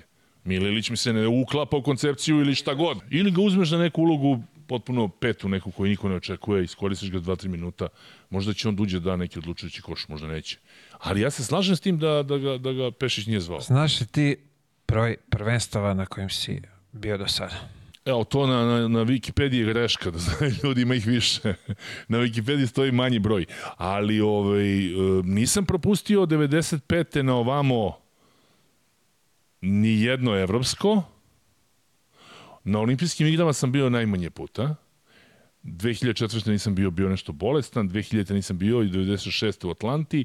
Ovo ostalo jesam. Bio sam u Kini, bio sam u, u, u Londonu, bio sam, ne znam sve još gde je bilo, 3-4 komada imam, ali ne znam tačan broj evropskih prvenstava i svetskih na ovamo ali ja počeo sam reprezentaciju ne 95. što ljudi misle, sam 94. komentarisao reprezentacije. Bilo svetsko prvenstvo u Kanadi koje je bilo nama dodeljeno. RTS to prenosio. Nama je bilo dodeljeno zbog sankcija uzeto i Kanada je to organizovala 94. Ja sam to radio iz studija, bio mi Moka Slavnić nekoliko puta konsultant. Mi smo to radili 94. Reprezentacije, naša nije igrala, ali to je moje prvo veliko takmičenje i to iz studija. Evo možda će ovo bude poslednji da završim u studiju u Beogradu, a ne da idem tamo. Da se krug 94. samo, ali dobro, tad nije naši igrani nisu mogli da donesu zlato, ali 95. jesu. Međutim, isto ljudi mnogo zaboravljaju da smo mi igrali 95. kvalifikaciju u Bugarskoj. E, to sam ja radio prvo sa lica mesta, to mi je vatreno krštenje naše reprezentacije na licu mesta. U Bugarskoj to je bilo, ja mislim da smo igrali, da je bila Varna ili je bila ili je bila Sofija, bila je dvorana koja ima neke tribine koje se sve tresu kako njih 10 ustane i počne da, da igra na njima, tako se tresu tribine. Tu stoji naša komentatorska pozicija na jednom praktik klubu, sve se trese, sve će da padnu i monitor i ostalo. I, i oni viču bulga, bulga, bulgarski junaci, 90 minuta, ono, koliko traje košarka, nije 90 je futbal, 80 minuta, sat i po koliko se igra utakmica, bez prekida ne računam, ili da neka prije ljudi 10 četvrtina, ona traje 20 u real time u pravom vremenu. Znači, 90 minuta su oni vikali bugarski junaci sve vreme i tresu se tribine. I tu je Paspalj dao ono slobodno bacanje za valjda produžetak i onda su produžetku naši dobili i sećam se Saleta Đorđevića kako Palju fauliraju na, na, na, na samom kraju. Samo dva penala. I Sale se ovako hvata za glavu i okreće se kad Dudi i kaže ne njega, gde je njega? Da. Možda Paljsvalj sa linije penala znaš, to neko upao neku krizu, ne može da pogodi 5 od 10. Gde uvati palja loptu? Međutim, dao je jedno dovoljno za produžetak i posle toga je bilo čišćenje i tako smo i prošli. To su kvalifikacije neke koji su bile izmišljene od strane FIBA, Bora Stanković i ostalo. Da, bili smo Bugari, mi i Bosna i Hercegovina koja nije htela da igra zbog svega navedeno što je bilo ranije zbog rata i onda su oni bili ovaj, izgubili tu utakmicu što se kaže za zelenim stolom, da, dalje beše 20-0 ili 2-0 svejedno, ali smo mi dobili tu utakmicu, dobili je kao i Bugari onda smo mi Bugari rešavali ko će ovaj, da ide dalje. Spominješ sad Palja daje koš. Uh, zanima me imaš sad, možda izdvojiš mi neke momente uh, koje, ko, koji su ti ostale u sećanju od tih, od kako si počeo da prenosiš, šta si rekao, 90, 94. Jedan od najomiljanijih mi je onaj naj nelogični potez Miloša Teodosića kada je dao trojku preko Garbahose. Jer ti si igrao košarku vrlo dobro znaš, ja to nisam htio da kažem. To je u tom momentu najgori, najgora odluka da šutneš preko centra sa 8,5-9 metara. Ti znaš sam, ako te preuzme centar, ideš prolaz, naskačeš na penal, gledaš da ćeš sam da daš ili spuštaš negde za zican ili na šut sa strane. To je košarkaška odluka. Ili druga varijanta, opet ideš na preuzimanje, pa ti sad igraš protiv beka gde možda šutneš ponovo. Ali preuzimate centar od 2,7, 8 i ti se odmakneš korak unazad i šutneš trojku. Ali u principu, kažem ti, to mi je jedan onako od momenta koji možda i obeležio moju karijeru onda ovaj protiv Amerikanaca, ono, za, za Jermaine Onila koji, koji šutira slobodno bacanje, ja namjerno vičem kako on ima odličan procenat. Ne bi li ga izbaksuzirao možda, razumeš? Sad to su ljudi prevalili, a ja to stvarno sebi ono kao, ne, ko, brate, paži, on ima odličan procenat, on maši prvo. Ne kažem ni zaboraviti, on i dalje ima dobro procenat, ako je promaši, on maši drugo. I mi posle rešavamo tekmu, razumeš? Suje, to kako si rekao. Pa ima dosta, ali to ne, ne pomaže niti pomaže ta varijanta što ljudi kažu ja sam 30 godina za reprezentaciju, ja sam Talija, ja sam ne znam 13 igrač. Nisam. Da sam Talija mi bi imali 200 zlatnih medalja do sada u svim kategorijama, ali nemamo ih ja verovatno imam više poraza nego pobeda i medalja, razumeš, ali ljudi, ljudi su kapirali tih nekih desetak zlatnih godina od 2000, od 95. do 2005. sam ja bio akter na tim prenosima, pa onda im je to možda ostalo tako u sećanju kao kad čuju moj glas, evo ga, ovaj sad dobijamo. Ma ne dobijamo, gde dobijamo? Da ja mogu da utičem na to, uticao bi stalno, zlato, stalno bi bili prvaci svega, znaš, ili bi bio ko španski komentator, njemu bi sad bilo najlakše. Oni igrali prošle godine devet finala. Šta on da kaže? Svi govore, oni su preuzeli naš recept. Koji, koji je to naš recept? Ja ne znam. Ja ne znam koji je to recept stare jugoslovenske škole. Kažu da je on završen negde tamo bio sa tom nekom 2000 tom godinom, otprilike ta neka jugoslovenska košakaška škola koja je kao bila poznata tradicionalno i tako dalje. I sad kao španci to imaju. Koji je to recept? Ja mislim da samo mnogo rade i mnogo novca ulažu i mnogo vode računa o svemu. Jel da se ne lažemo, Ja sam sa drugarima sad pričao, to pričamo u godinama, ali evo sad baš ovih dana na moru i nešto i tako dalje, pričamo, daj da nabrojimo igrače koji su u poslednjih 15-20 godina iz Beograda. Kada su bili vrhunski košarkaši. Ima ih. Ima ih. Nabrojali smo. Ima ih 5-6. 5-6 smo ih našli. Ali hoću ti kažem, 20 ostalih nisu iz Beograda. Ne smemo da centralizujemo stvar, ne smemo da zaboravimo male sredine, male klubove, sve stavljam po znake navoda male sredine, male klubove, male gradove, manje gradove od Beograda. Ne zaboravili smo mnogo gradova smo zaboravili. I zaboravili smo trenere koji rade sa mlađim kategorijama. On mora da bude adekvatno plaćen u klubu da ne bi otvorio svoju školu košarke gde će uzeti od klinaca neku onu članarinu mesečnu i ovamo će da otaljava posao u klubu. I moramo da platimo igrača, tebe kad uzmemo morate platimo koliko vrediš. Da bi taj tvoj trener mogao da napravi drugog Miletilića. Razumeš me? A ne kao da uzmemo i da platimo po nekom preveliku nešto malo. I šta možeš ti s tim parama? Ništa. E, mislim da Španci mnogo vode računa o tome. Lepo su to sve zaređali ovaj, i imaju te rezultate. Uh, kod nas mi ovde smatramo sebe kao talentovanom nacijom, nama to sve mnogo lakše ide. Znači, uh, samo nam nedostaje taj sistem, verovatno da se to poređa kako šta treba. Što kažeš i tom treneru jel treba ovaj dati adekvatnu platu da sa tom platom a, može da radi i živi u, u tom nekom mestu i za tog igrača da se plati adekvatno obeštećenje da on od tih para može napraviti novog igrača i da se tako razvija. Pazi ovako, imam sad, ovaj, što bi se rekli, jednu insajdersku informaciju ovaj, da si u poslednje vreme na ovim uh, prvenstvima da god gostuješ, da si jedan od uh, najpopularnijih ovaj, novinara na, na turu. Ja? Laž. A? Laž. Ne, ne, ne, ti, ti, da si ovaj, jedan od najpopularnijih, kaže, svi ga vole tamo, naj, naj onako, raspoloženije, smeje se, prihvatljivije. Nije. Naš narod, naravno, dijaspora gleda i zna za, za mene i okej. Imamo, imamo kontakt uvek. To nije problem. Sad kako raniš renicu, znaš više? Znaš kada mi Sali Đorđević rekao, vidi, kaže, da ne popričamo nešto, kažem u čemu, pa košarka, kaže, svakom od nas nešto dala. Najviše nam dala. Ja kaže, boga mi, kako kome? A on kaže, pa da, da si igrao košarka, da nisi igrao, da li bi sad komentarisao ti to? Pa rekao, možda i ne bi. E, pa kao vidiš, onda i treba ja da budem zahvalan košarci. Ali... A, pazi, lepo se to ovaj, zakotrljalo da, da nije bilo basketa i ja sad ne bi bio ovde. Sasvim moguće, sasvim A- moguće. I ne bi ti kolege rekli, dolazi Mile kod tebe, nema problema. Znaš, verovatno. Naravno, zahvalnost mora uvijek da postoji, moramo bude zahvali na svemu što imamo i na svemu što, što radimo. Svakako. E, ovo me isto zanima kako se zove, a, da mi opišeš putovanje tvoje iz a, Praga u, u Berlin. Ako se budem setio uopšte. Ja sam za tih 10 dana promenio 10 zemalja, koliko sam išao na to evropsko prvenstvo. Pa iz Praga je bio problem odlaska u Berlin. Valjda smo imali avion koji smo presedali.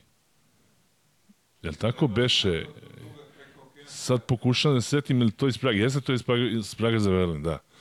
Ove, e, imali smo neki avion koji je presedao, išli smo dole pa smo išli u Berlin gore, mislim, neka sumanuta varijanta, zato što jeftinije karte, znaš. Znaš i sam. E da, da, daj da objasnimo ljudima igrači kad putuju, znaš, sa klubovima i sa reprezentacijom. Dešava im se neki put da čekaju na aerodromu i po 6-7 sati. Zašto? Samo zato što su karte jeftinije, to da znate. Nije to želja njihova da sede na aerodromu u Berlinu, na primjer, i da gledaju tamo izloge i tako dalje, nego je, priznaj to, uvek jeftinija karta i tako se putuje. Pošto to što smo išli i ovaj, gde smo presedali, ode nam avion. I sad odatle ona mene šalje, ona žena za šalterom šalje na drugo mesto, pa da onda opet hvatam novi avion pa da idem za Berlin. I stignem u dva noću, na primjer. A krenuo sam ujutru. Znaš, ja sam tu, tu sam vozio se, vozio se četiri grada sam obišao da bi došao do Berlina na kraju i dođemo, nema stvari. I tu napravim, tu napravim zez. Ja sam tu pogrešio, popunjavao sam sebi i ovim ostalim kolegama i popunili smo u onoj prijavi da bi da dođemo da nam stvari stignu u hotel. To se sve vreme dešava da objasnim ljudima one štrajkovi silni ovih ljudi koji pakuju kofere. Ta se dešava, u najboljem momentu. I, ovaj, i onda zeznem se umjesto da dođem na, na aerodrom sutradan. Oni mi kažu dolazi stvari sutra ujutru. Mi smo u dva sleteli, oni kažu u 11 sutra, 12 su stvari tu. I mi kao neka, neka ne donesu hotel, zato što u stvari nisam se zeznao ili nisam mogao. Morao sam u dvoranu, utakmice sam imao, ne mogu da, da naš, ne komentarišem, nego da idem po stvari. I nego ne stignu u hotel. Jedan dan ništa. Drugi dan pratite kao na mapi gde su vaše stvari. Ja otkucam prijavu sve, sve one brojeve popunim kod za vizu za Ameriku, on meni piše tamo da su stvari na aerodromu. I sad kao ta firma ih preuzme pa će ih doneti nama. Treći dan ništa. Ja sad već poludeo i ne možeš, šta da radiš i sad ne, naš, zovem te telefone neke silne, javljaju mi se sekretarice na nemačkom, s nemačkim stojim loše iz ratnih filmova samo. I ja sad zamolim čoveka koji radi u hotelu, ja zamolim čoveka koji radi u hotelu, ratnih filmova samo znam neke stvari, uh, ovaj, i zamolim čoveka koji radi na recepciji u hotelu, pored njega stoji još jedan čovjek, kolega njegov, koji možete pozoveti, to je bre, samo da vidite šta vam kaže sekretarica. Na nemačkom da vidim šta kaže. U Hamburgu je čak taj njihov centar, nije u Berlinu. I on zove, ja sam stojim pored njega i ovaj pita tip šta je. Ja kažem, ma, problemi sa koferom, na treći dan nema kofera. A on kaže, postigli su neki još jutro se nek tamo, ostavljeni su ostavi. Ja rekao, pa dalje realno. Kažem, mom, spustite slušalicu, to su sigurno naše stvari. On kaže, ne, ne, pa ne znamo čije su. Ajde, proverimo. To se treći dan uveče dešava sve. On kaže, ali tu su stvari, stigle su, kaže, još jutro su ovde niko od njih da ne pogleda prezime i da ti ono ubaci kao što se to radi u hotelsku sobu, ti ubaci kašticu, molim vas javite se na recepciju kad dođete, ti nađeš kašticu, javiš se i ti daju stvari. I uveče tek da mi smo tražili i nađemo kofere, moj kolega ovaj sradi ih i grlio ko, ko decu kad je vidio svoje kofere, razumeš, pošto smo nakupovali stvari tamo da je mogli preživimo tri dana, e i onda naravno kompanija da ih tužimo, oni su, evo da, kaže, tužite nas vi, sve, bit će to plaćeno, međutim to opet jedno deset dana neki papirologije. Neko... E, pa bravo, i, i, ima to, ima to, ovaj, bar sad iskače po svim ovim uh, mrežama da ukoliko ti let kaj ne, traj, uh, kasnije ne znam koliko ovaj, sati možda naplatiš to sam, ja nemam pojma da li to funkcioniše uopšte. Mislim da naplati. Da, da, da, funkcioniše i za ovo sam čuo čak mi se i a, a, neka žena obratila mailom i rekla da je u redu, da će biti plaćeno, samo moramo podnesemo tu žalbu i da se to radi taj dan način, sve mi je objasnilo fino. Međutim, ima sad to procedura koja se to mora da prođe i ja sam odustao stvarno od toga, ali naplate ljudi koji imaju živaca da se igraju sa njima, uvek to bude to kompanije, shvataju to je rizik, to su penali koje oni plate, moraju, mislim, njihova je greška, znaš, sad nisu ni oni krivi ljudi što štrajkuju ovi za ubacivanje torbi, što torba nije stigla i što nije tri dana kasnije došla kod nas, to je sad njihov problem koji oni moraju da nadoknadili sa tom kompanijom koja sa njima radi da donosi stvari sa aerodroma i tu ima isto ove cake, ali u principu ljudi naplate koji imaju živce da se s njima igraju, to traje malo, ali dobije se rezultat. Znaš šta me zanima sad? Zanima me koliko se ti vremenski pripremaš za prenos utakmice? Sada baš moram da se spremam da tu bazu podataka updateujem, što bi rekli mladi, a ranije kad sam radio košarku stalno tu nema pripreme, tu si stalno u tome. Znaš, ja i dan danas ustajem i na telefonu prvo čitam vesti iz košarke. I dan danas. Koliko je dao Jokić, šta je radio Bogdan, da li je teo napravio neku asistenciju koju niko nije video, šta radi u našoj Ligi Zvezda Partizan, šta je u ABI, šta je u NBA-u. Meni tako i dalje dan počinje danas. Navika je takva. Ne počinje mi naš nekim drugim stvarima, nego to pratim i čitam, ali nisam u tome koliko sam ranije bio, to je normalno. Godinu dana ne komentarišeš, sad me čeka to svetsko, pa sledeće tek što će raditi, to su olimpijske igre. Po, što da radiš? Mislim, posao je takav. Javljali smo se iz Amerike u dva noću. Jel tako? Beše oni idu, to je 6 sati, u, 8 sati u napred, nazad. Znači, kad je kod njih dva, kod nas je popodne. Jel tako? E, to je, znači, mi smo se uključivali te neke stvari. Iz Japana, iz Kine sam se javljao tamo u 1-2 noću. Znaš, ako su jutarnji programi neki naši i tako dalje. Dešava se, pa radi se to, to je normalno, to je potpuno normalno, tako je svet funkcioniše i na olimpijskim igrama da znaš, pred centar je otvoren 24-7. Ti stalno možeš odatle da se javljaš i da radiš i da komentarišeš za svoju zemlju, jer to nije vremenska zona koja odgovara tipa Japanu, Kini ili kad si u Americi imamo druga priča. Ok, svetsko prvenstvo je ovde, o, o tome ćemo ovaj, najviše i pričati. Mene sad zanima ovako. Uh, koliko ti uh, uh -huh. detaljno se pripremaš za utakmicu, uh, šta je to, šta je to, na koji način, uh, odakle skupljaš informacije. Evo sad, na primjer, recimo, ovaj Sudan je u, kod nas u grupi, i nemamo pojma ko su ti tipovi tamo koji igraju, kako ti dolaziš do informacija? Pa počne da čitaš sve počne da čitaš sve i da zabeležiš sebi šta ti treba u tim momentima ako nešto ne znaš. O Sudanu stvarno malo znam, koji je vjerojatno većina ljudi u Srbiji. Ovaj prvi put na svetskom prvenstvu, imaju tog momka iz Lakersa, ostalo su neki igrači koji su atletski odlično predispozicije imaju, međutim ovaj nisu nisu ovaj na nekom kvalitetnom nivou kao naš tim gledaš onda tako idem po utakmica po utakmicu, po protivnik, po protiv- po protivnik. To već su neke stvari koje već ima prethodnih godine, neke spiskove igrača i neku svoju bazu. Samo moram da promenim gde se ko novi pojavi i tako dalje i tako dalje. Znaš, kad budem s italijanima u drugoj grupi, tu nešto se spremam, to je ekipa koju znam već 3-4 godine komentariše. Portorikance sam radio, kvalifikacije su bile za olimpijske igre 2019. ili tako beše? Za Tokio, tako je. Tad su bili u Beogradu, poslednji put bio je Gian Clavel i ostala ekipa, ima i nekih tu igrača sad, i Holland koji je bio u Zvezdi i tako dalje, tu su u nekim spiskovima, i neki igraju, neki ne igraju, imaju momka koji je najniži u ekipi 1,80 koji je najbolji strelac, bio protiv Amerikanaca, dao nekih 17 poena, votaš se onaj. Tako da, znaš, čitaš, pamtiš, sad pišem više, znaš, jeste. Jeste, mato sam, pišem u telefon sve po, po, ono, po, moment, po danima šta treba da radim, a ovamo kad radim utakmicu, nekad sam išao sa nekim malim papirićem ili samo sa telefonom, čisto da imam nešto unutra. Danas nosim ovaj papirologiju sa sobom, onako fino napisanu ili oštampanu. Uh, vidio, pazi, utakmica traje, to traje sad tipo dva, nekad ti tu moraš konstantno nešto da pričaš, pa me zanima uh, Možeš i ta prezimena da naučiš, znaš. Ne, ne sme bude neki prazan hod i ba, ba, bar to znaš. To je iskustvo. Znaš po brojevima, znaš po igračima, neke znaš, neke ne znaš, neki put čekaš malo pa da vidiš, neki put i ne komentarišeš sve, jer ti vidiš ko je dao koš i ko je skočio i ostalo. Treba neke druge stvari reći što možda ljudi ne vide. A onda ti kaže, ne mnogo se praviš pametan, nisi ti trener, znaš, ne ti tako šta bi trebalo, kako ko bi kako uradio, nego kao držati ovo što se dešava. Tako da, Ove, e, to je zanat. Komentarisanje i novinarski posao je generalno fakultet je u redu, ali to je zanat.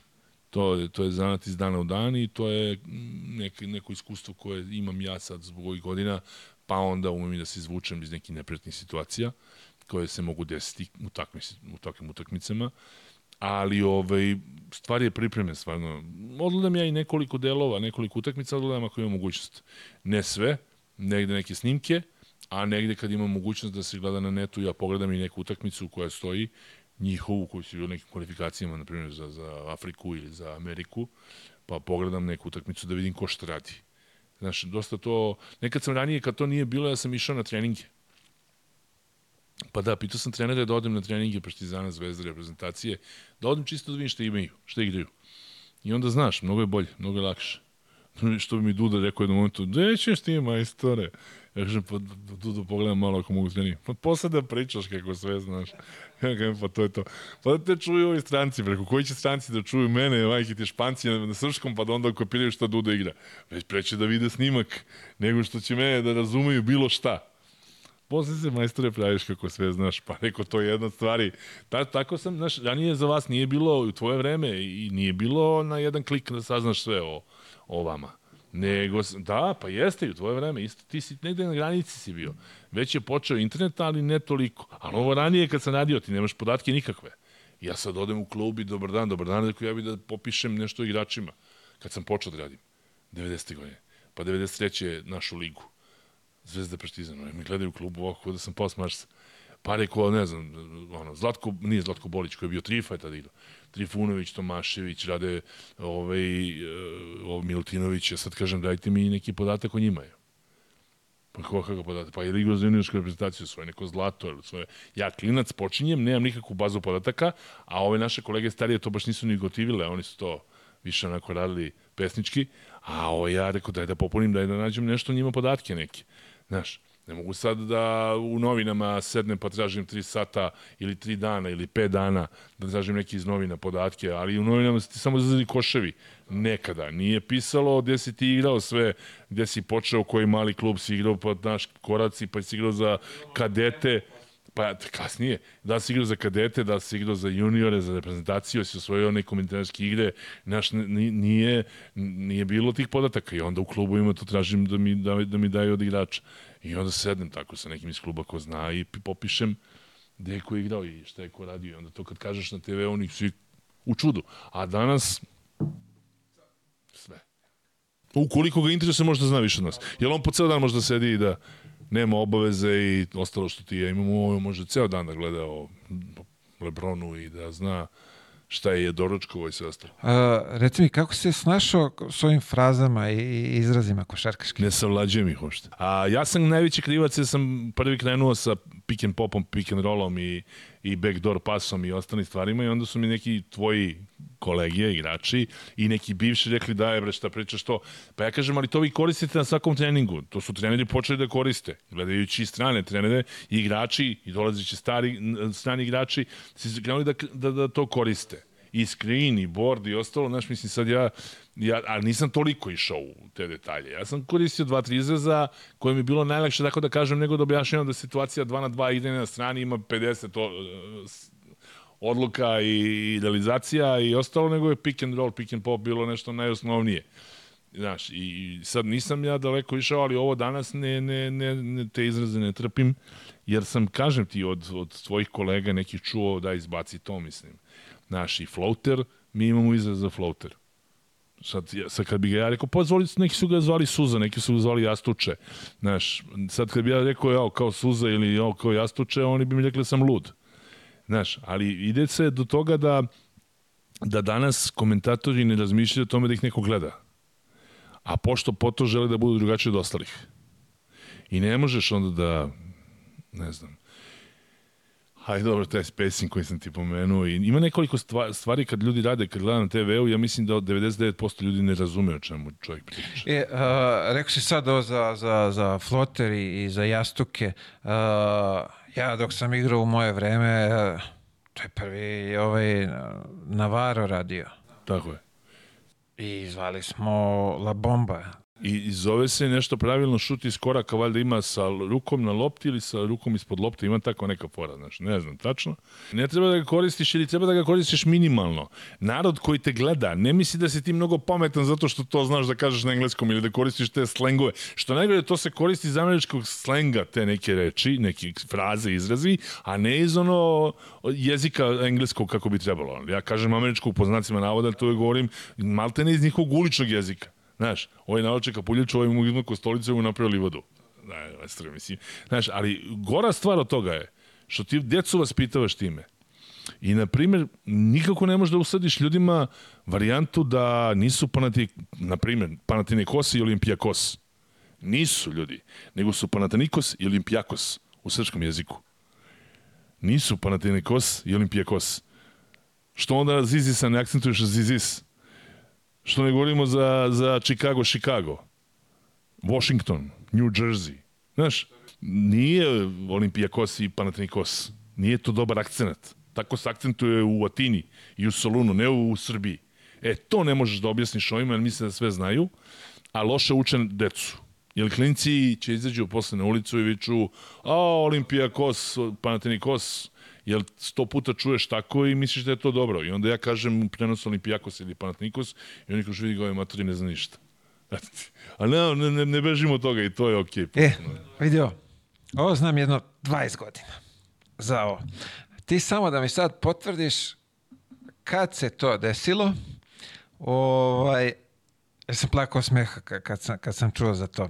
A, putovao si negde sa reprezentacijom, uh, uzeo, si, uzeo si, kako se zove, njihov scouting. Nisam ceo. Ko ti je to rekao? Sale? Čekaj, ko je bio? Nije Nikitović? Ne, ne, ne, kaže čovjek. Mi mu lepo dali da pogleda, kaže on uzeo, naučio sve na pamet i kaže sutri dan u prenosu čovjek zna svaku akciju, sve zna kako se brani, sve živo.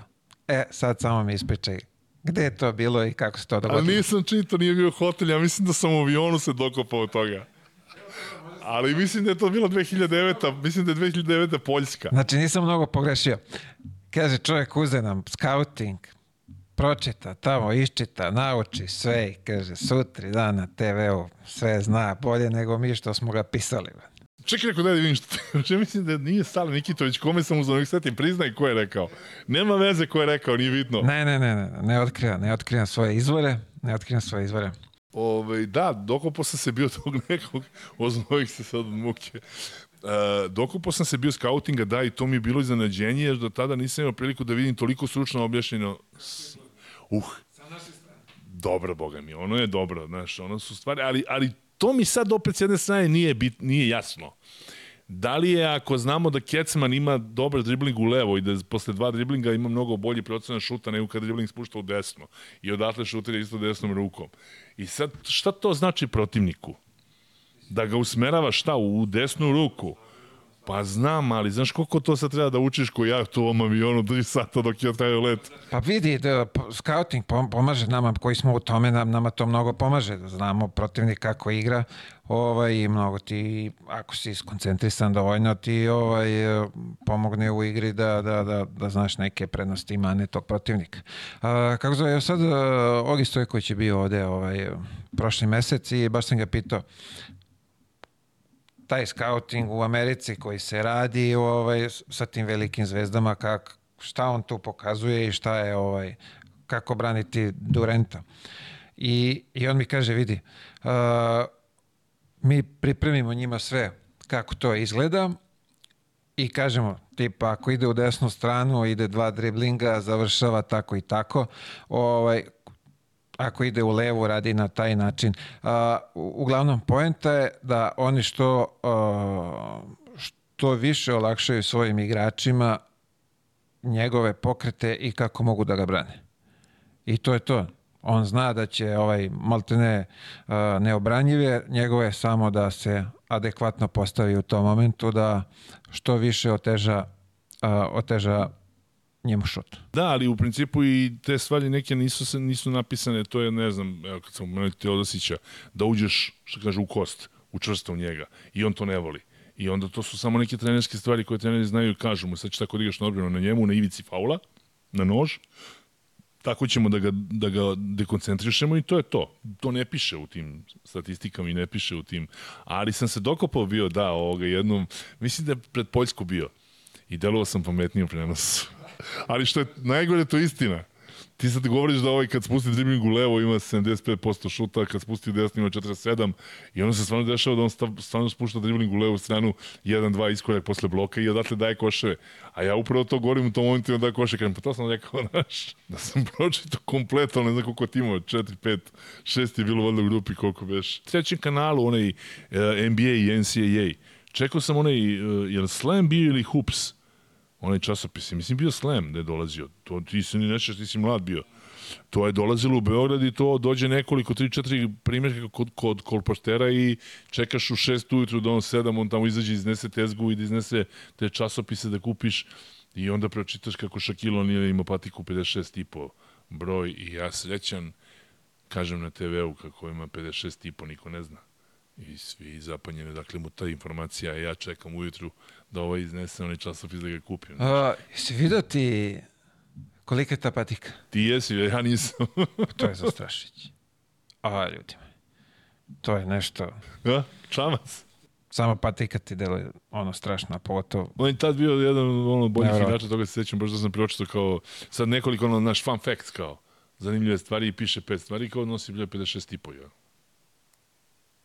Čak to nije pisalo 56 i po, jer piše u merama koje se koriste tamo, u fitama, pa ne znam, ja sam to još računao onda. Uh, ovo me zanima, uh, ti si tamo ono, posle utakmice sa igračima i namestiš se na onu svoju poziciju, ali tako, ovaj, tražiš, pitaš igrače, tražiš za, za, za izjavu, oni prođu pored tebe, onako, niko, se, niko ti ne pogleda. Zna onako da bude baš, baš neprijatna situacija.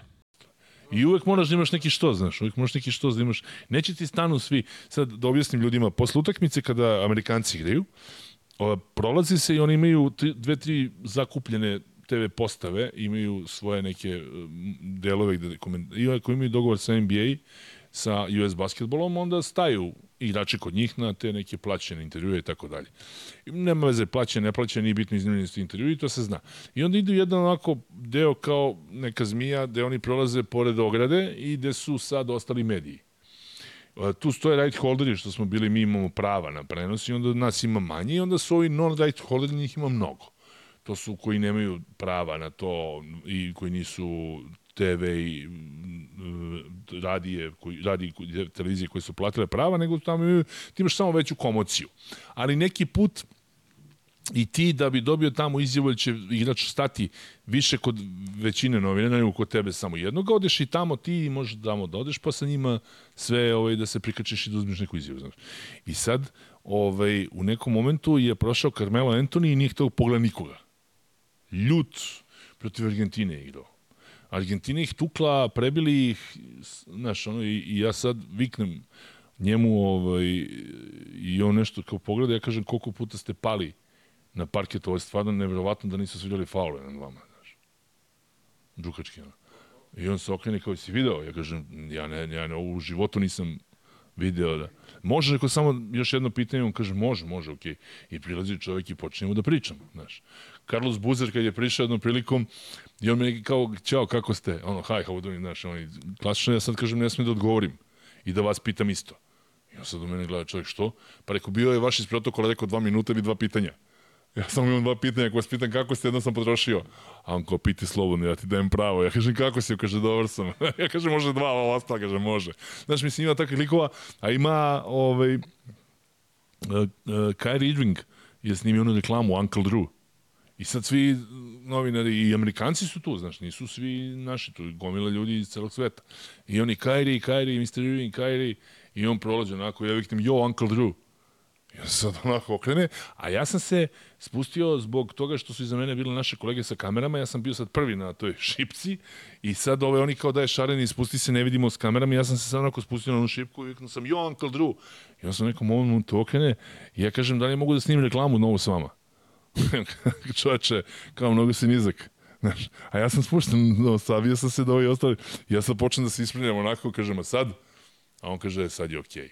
A rekao, može za ovo jedno pitanje, samo on kaže, može. I priđe, znaš. A Majku Kšiževsko sa viku Go Blue Devils. Znaš, on se okrenuo kao da vidi ko navija za, za njegov, ovaj, za Blue Devils, za njegov koleđ u sred, ono, ne znam, svetskog prvenstva, ja coach rekao, možemo samo jedno pitanje, kao, odak ste vi, ja kažem iz Srbije, a, kao, znaš, znao je da neka fora, da, moraš da ih nekako privučeš jer neće da stanu, znaš, ono, a Lebron i, na primjer, Kobe, oni su redovno preskakali te, te ograde i odlazili tamo, nisu ni dolazili vamo do novinara, jednostavno, ne žele. E, ovo me zanima, a, sa Dirkom, jesi, jesi pravio razgovor? Da. Jesi i ti pozivao ovaj, na, na, na Na Ivan Akića ili nisi? Nisam. Jednom je, o, o, jednom smo razgovarali i to je bilo možda u Beogradu 2005. Da, a posle toga smo još jednom sam dogovorio s njim intervju, s njim sam dogovorio lično intervju i znaš, u hotelu je bilo ko može posle utakmice, minut dva samo, ja sam broadcaster, RTS, tu ću tu biti, i on kaže, može, nema problema, ja smo igrali sutra s Nemcima nešto, i njihov PR ga je odvukao iako sam se redovno javio PR-u, to je procedura, javio sam se PR-u, rekao sam, dogovorio sam s Dirkom razgovor minut samo, jedan, dva, ne, dva pitanja, nemam više, vi možete stojite tu da merite vreme ako hoćete. I on je rekao, važi. I onda ga je ovaj, sam je onako mahnuo, Dirk je stao u nekom momentu, Novicki je stao u nekom momentu, on je rekao, ne, ne, kao žurimo, pošto su ga već novinari iz Nemačke tamo pitali pola sata, kao mora da ide, shvatam i to, ali ja sam rekao, dogovorio sam i sa vama i sa njim, on kao, ne, ne, kao, zaboravi to. I ja kažem, stvarno nije fair što ste uradili. Ma kao, aj, kao, zaboravi, kao, beži, znaš, u tom fazonu. Što bi rekli klinci, dojki si. I sutra ih mi dobijemo onim košem bijelice, I ja ga nađem posle toga i kažem, e, zbog ovog, ovo se desilo zato što si bio neprijatan. On ovako da zagači oči ne može da veruje. Počne nešto nemačkom, rekao, ne, ne, samo engleski, ne priznajem to vaše.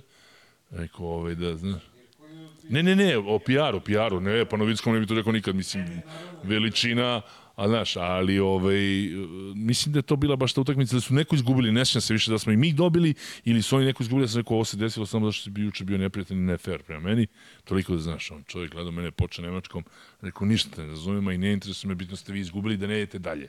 Ispali su. Znaš, tako da. Oni nemaju obavezu da stanu. Nekada imaju i nekada FIBA ti kaže, ok, kaže koji ćeš igrače. I mi koji smo right holderi stojimo, imamo to pravo i ja mu kažem daj, ne znam, Teodosića Raduljicu, Bogdanovića, ovoga, onoga, on ti dovede jednog dvojicu, više ne. I to drži naš PR tu, jer to ima obavezu. Ali ostali nisu obaveze da stanu. I samo njihova dobra volja. E, na primjer, pomenuo se Nikola Jokić i to treba da kažemo. To je Aca sa sportske centrale stalno snimao. On prođe pored nas kao pored groblja. Ne želi da staje, ne želi da izjave, nikad nije stao. Opet njegovo pravo, opet niko to ne zameri. Ali ja se snimao, ja mislim čak nekoliko imao klipova gde on Nikola može izjava, može izjava, ovo je samo proći, znaš. Mislim, da li je to u redu ili nije, nepoštovanje, mi moramo, ne mora niko mene da voli. Ti kad si igrao ne moraš mene da voliš. Ja kad sam tebe komentarisao ne moram tebe da volim. Ali moramo da imamo neko uzemno poštovanje jer radimo jedan sa drugim. Ja više zavisim od tebe, da se ne lažemo, nego ti od mene. Ali poštovanje neko mora da postoji. Kako očekuješ da ja poštujem tebe i svoj, tvoj potez, neki tvoj sutra neku odluku i ovo, ako se ponašaš tako prema meni? Ne prema meni kao medijima, novinama, nisu mediji ništa učinili ni za jednog našeg igrača. Mogu samo da učine loše. Znaš, teško da smo mi kao mediji nekom nešto učinili, da sam ja, ne znam, dao uh, ne znam kakvu ocenu Bogdanoviću da zato Bogdan bolji igrač i da su mnogi zapamtili. Nije. On je dobar igrač jer je takav sa svoje igra. A ja samo mogu to da nadogradim ili da umanjim. Ne želim da umanjim ni jednog našeg igrača, ja sam igrao pa znam šta vi radite, sve krvo, prođete kroz šta da biste dali koš. A ne mogu da kažem, vidi ga, ovaj ne zna ništa, nisi došao da ne daš koš, nego došao ga daš, stice okolnosti nisi ga dao, nisi pogodio, ali znam koliko vi ulažete uh, treninga, uh, uh, muke, znoja, krvi, što se kaže u sve to, i ja to poštojem. I nikad neću reći o nekom igraču, on ne zna ništa. Nije da ne zna ništa. Ima neke stvari, zna, neke ne zna, neke bolje, lošije, uvek se da napraviti analiza, ali ti kažem, prvo moram poštojem vaš rad. I ja to poštojem kod svih igrača i nadam se da je to publika čula i videla. Ja, ja jednostavno imam poštovanje, nikad ne stavljam ono klipove točkove ni selektoru, ni reprezentaciji, ni klubovima, ni ne kažem, kad kažem nešto što vidim, ne kažem iz zle namere. Kažem zato što sam video, a što ljudi znaju kod kuće sam video da nisam glup, pa neću da kažem. Znaš, neću da ćutim. Ali ja onda počnu, znaš, i onda kreću i one zavere, teorije zavere. Što šareni ne kažeš da su se tukli juče u slačionici posle utakmice? E, reci mi sad, uh, kad se pomenuo medije, ovaj, nisam, nisam imao planu o tome da pričam, ali sad kad se otvorio temu, ovaj, uh, Imamo sad situaciju da, da mnogo naših igrača ovaj, ne, daje, ne daje izjave za, za, za medije. Evo recimo sad u poslednje vreme nemamo ni Teodosića, ni Jokića, ni, ni Bjelicu, znaš. Ovaj, kako, ti, kako ti gledaš na, na, na celu tu situaciju? Pa vidi, to je sve stvar osnovnog vaspitanja, rada sa njima od strane reprezentacije trenera Saveza, ali i od strane medija. Znaš, rekao sam ti da mediji umeju da odmognu, da te slikaju negde i da objave neku fotku i da ti nanesu više štete nego koristi. To je svuda u svetu, nije samo kod nas. Uh, opet s neke strane poštujem igrače što to neće da neće da urodi jednostavno to je to. Ja sad imam drugu stvar, da radim na televiziji, pa mi ne treba 10 izjava, pa su mi dovoljne dve. Ali razumimo štampu ostalu, razumemo ostale medije koji moraju da popune stranice i moraju da, da popune svaki dan materijali, njima treba 10 izjava. Da se ne lažemo, znaš, da se ne lažemo, treba im 10 izjava. I onda oni moraju ljudi, po, po defaultu kolege, ja isto branim, ja isto kažem da su i kolege u pravu, ali ima pretrivanja, ima, mora se voditi računa kakav ti gradiš odnos prema, prema igračima, ne da budem dobar, ni, ja ni sa jednim od vas nisam prijatelj. Ja sa, ni sa jednim od vas nisam prijatelj da, da mogu da te okrenete, pozovem i kažem ajmo na piće ili ti dođem na kuću ili da ti dođeš kod mene. Ni sa jednim od vas. Zadržao sam uvek neki, ne otklon, ali zadržao sam distancu. Ja ne volim to i kad mediji uđu u tu varijantu da ja tebe stalno zovem, pa te nešto pitam, pa te čisto hvalim ili te ne hvalim i onda sutra te ono, kudima ti će kažeš što si to rekao za mene. Znaš, ja sam od svih igrača zadržao neku distancu. Neke više volim, neke manje volim privatno kao slobodan šrenasni komentator nego gledalac, navijač. Neke, znaš, nemam, nemam u klubu jednom ili dva, imam nekoliko igrača koje ja, što kažu, klinci gotivim. Ali i u reprezentaciji isto. Neke manje, neke više, ali to se neće videti. Ni čuti. Mnogi kažu, a čuje se, važi, čuje se đavola, ali nije bitno. Ali ovaj, u principu, kažem ti, moraš da držiš neki odnos, da zadržiš neki odnos, jer vi ste tu u tom momentu partneri, u medijskom tom nekom smislu ste partneri. Us, ste jedni na druge.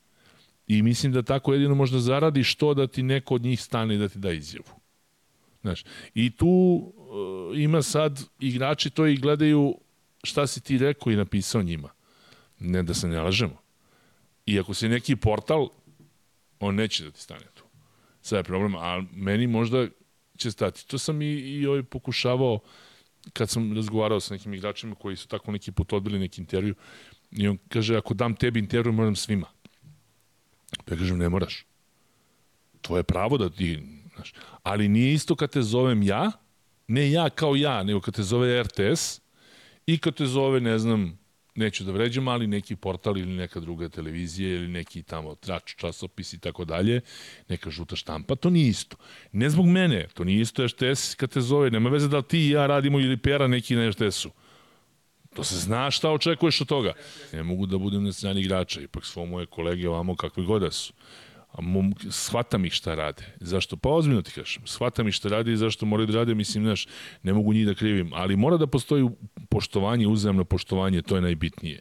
Ti kad napišeš nešto od nekom drugom, moraš da shvatiš da taj sutra neće hteti s tobom da kontaktuje. A, pazi, oni moraju budu spremni kad objave te gluposti sa tim kako i god nazvali netačnim informacijama i šta da bi dobili tamo klik više, da su oni automatski tad izgubili tog čoveka za svo buduće vreme koje ovaj, budu želeli da pričaju s njim.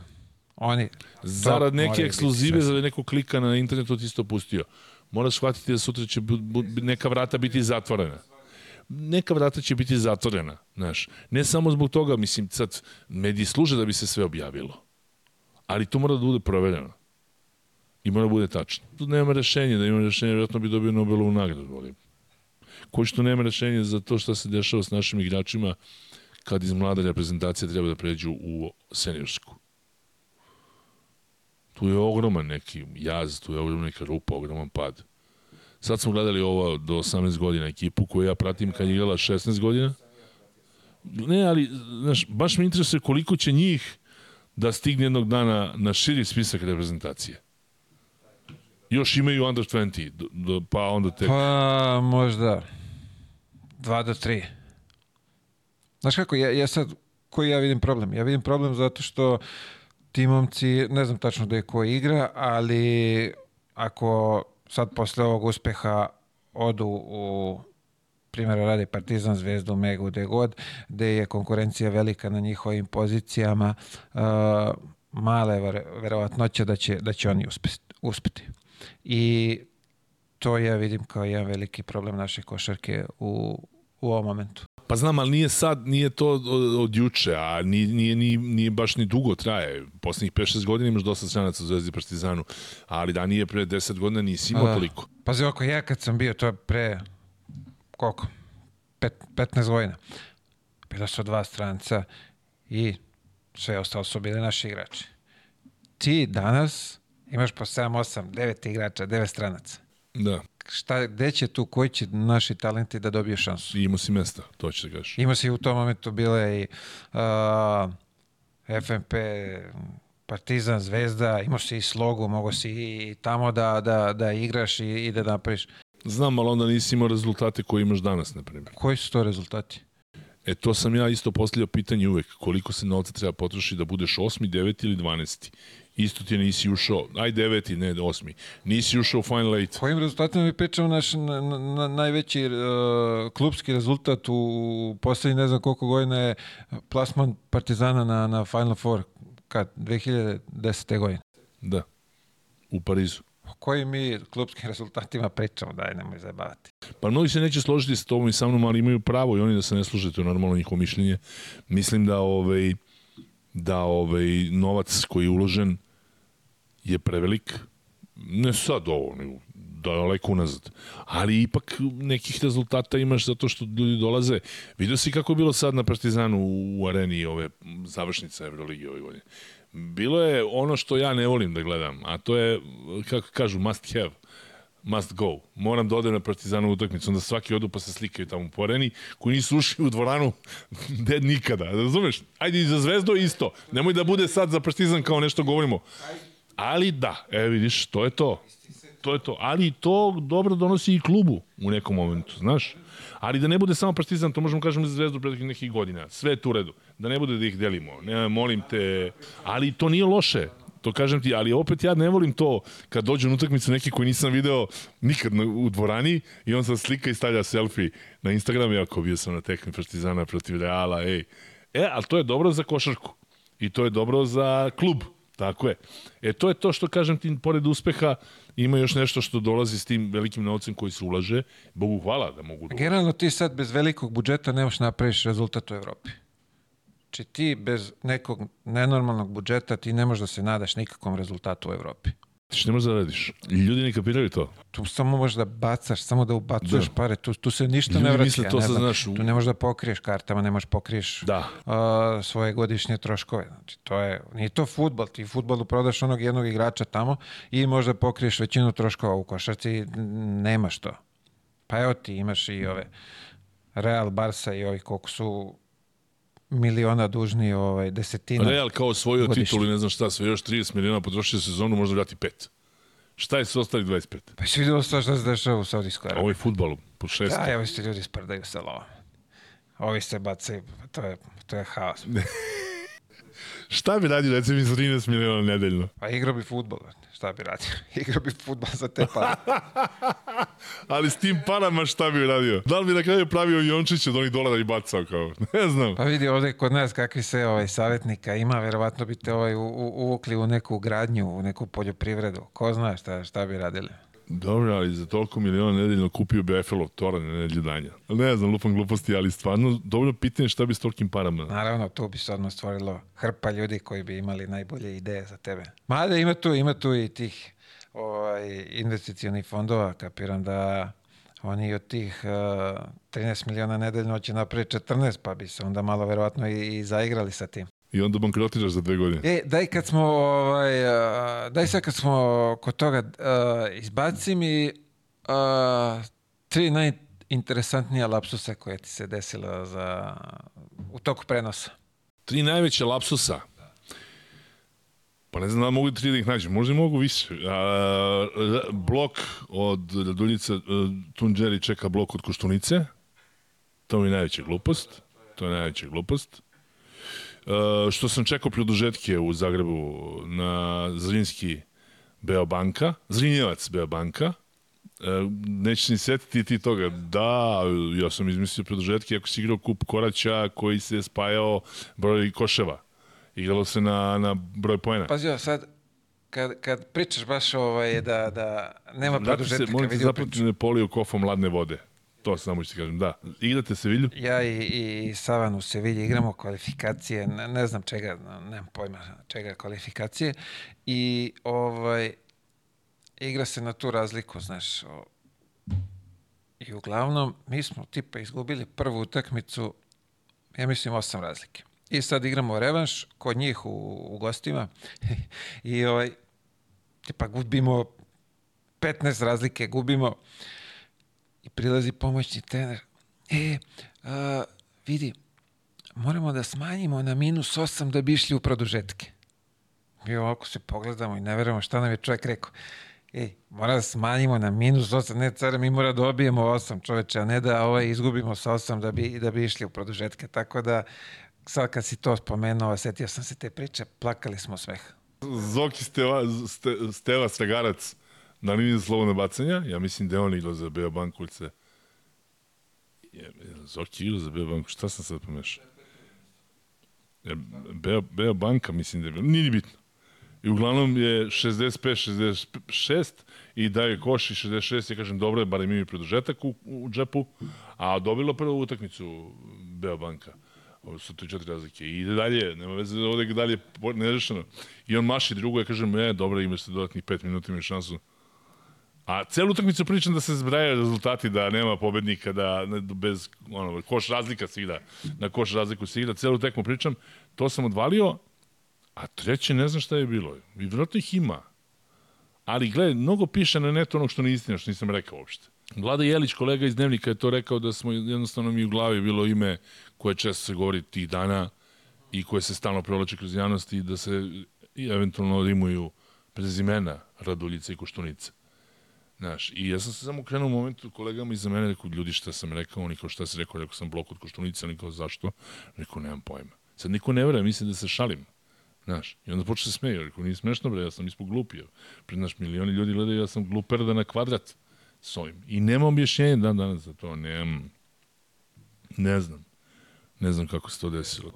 Da, ono, lupeta, ne znam šta priča. Onda stanem pa objasnim ljudima, tu sam se smejao, ko ima taj, na YouTube-u, dosta pregleda ima ovaj, taj klip. Čak sam je rekao, rekao, ja, ovo će već ujutru biti na YouTube-u, na, na, sam. I onda je tip koji je okačio to na YouTube, poslao mi poruku, kaže, ne sutra, kaže, evo već sad, odmah. Kao, negde na društvenim mrežama poslovni poruku, izvini, morao sam, ali evo odmah šaljem na YouTube, a ne sutra da, da, ovaj, da se čeka. Ne, ne, ne, nećemo forsirati, nećemo forsirati. Ja vidim ovako, ima ovdje kod mene jedna ovaj, rubrikica, ja to zovem male cipelice. Da se vratimo mi, ovaj, što biš rekla, u tvoje male cipelice, da vidimo kako je izgledalo tvoje odrastanje. To je davno bilo, ne znam da će se... Šta da, imaš pitanje neke ili šta? Ne, ne, ne, nemam pitanja, nego onako čisto da... Detinstvo? Pa rođen u Beogradu, na Čuburi. Jedno vreme bio sa stanom kao roditelji moji u Palmotićevoj, ne u ustanovi, nego u ulici. Znači, dete iz centra, a onda su se odselili na Karaburnu i su kapirali da za takvu gajbu mogu dobiti mnogo veću. Karaburnu jedno vreme je bila divljen, divno nasilje.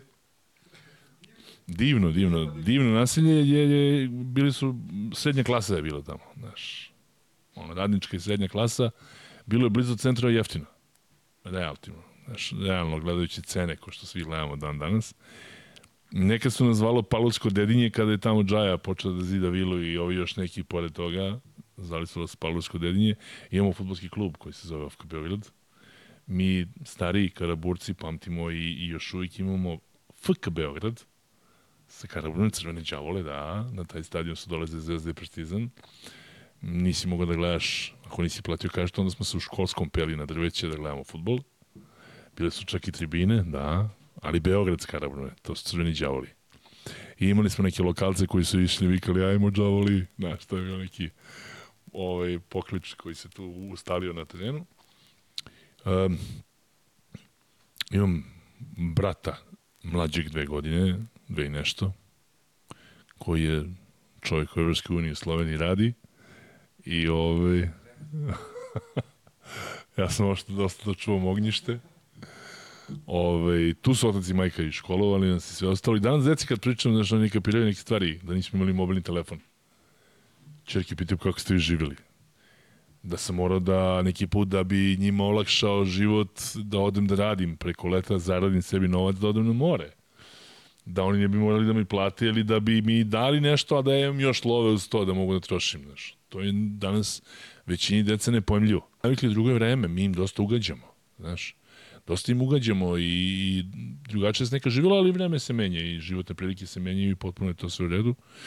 E, završio školu, završio tu bio u 7. Beogradskoj gimnaziji, počeo da igram košarku u košarkaškom klubu Partizanski put, tako se zvala ekipa na Ćalijama na Karaburmi, nastala od nekad igrača košarkaškog kluba Karaburma i tu zvala se po mesnoj zajednici, bukvalno.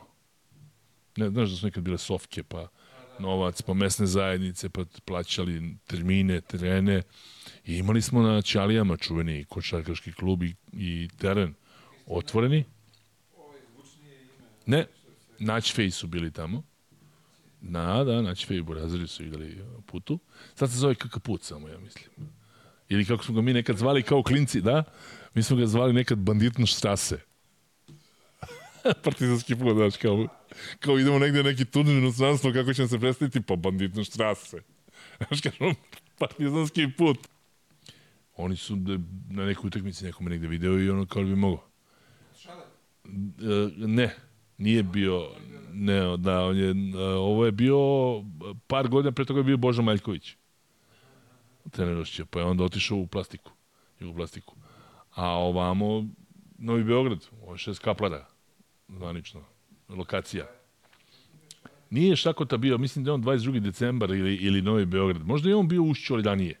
Ali ja mislim da Šale nije bio tada. Ne, e, Šale je sad bio ovde pa je nešto spominjao da, da, da je on ovaj, da je napustio ili šta već, uglavnom osnovali su, osnovali su Novi Beograd kao, kao ekipu.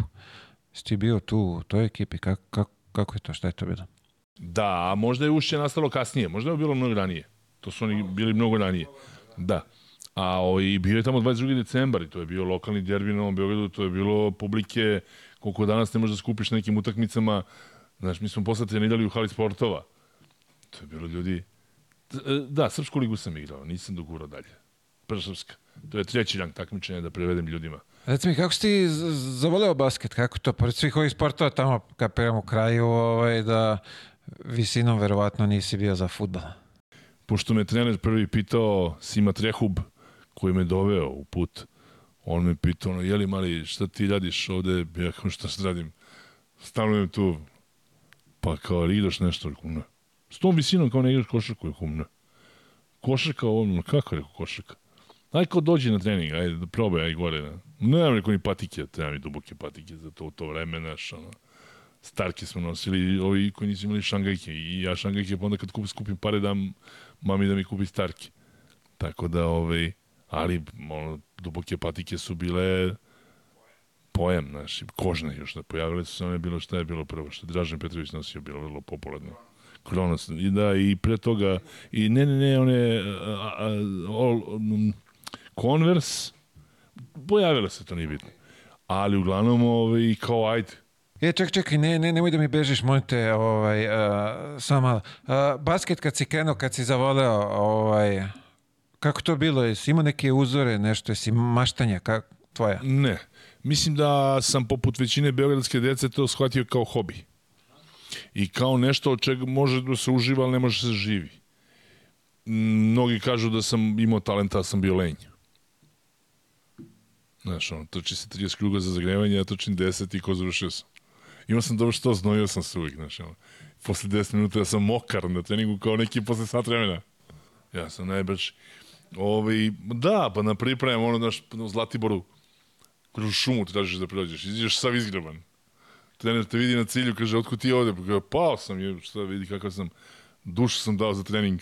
A ono gledaš, E, pa i sad skoro ovaj, baš, baš pričam sa, sa, sa nekim trenerom koji nas je ovaj, pretrenirao i ovaj, o tim glupostima šta smo preradili i tim trčanjima.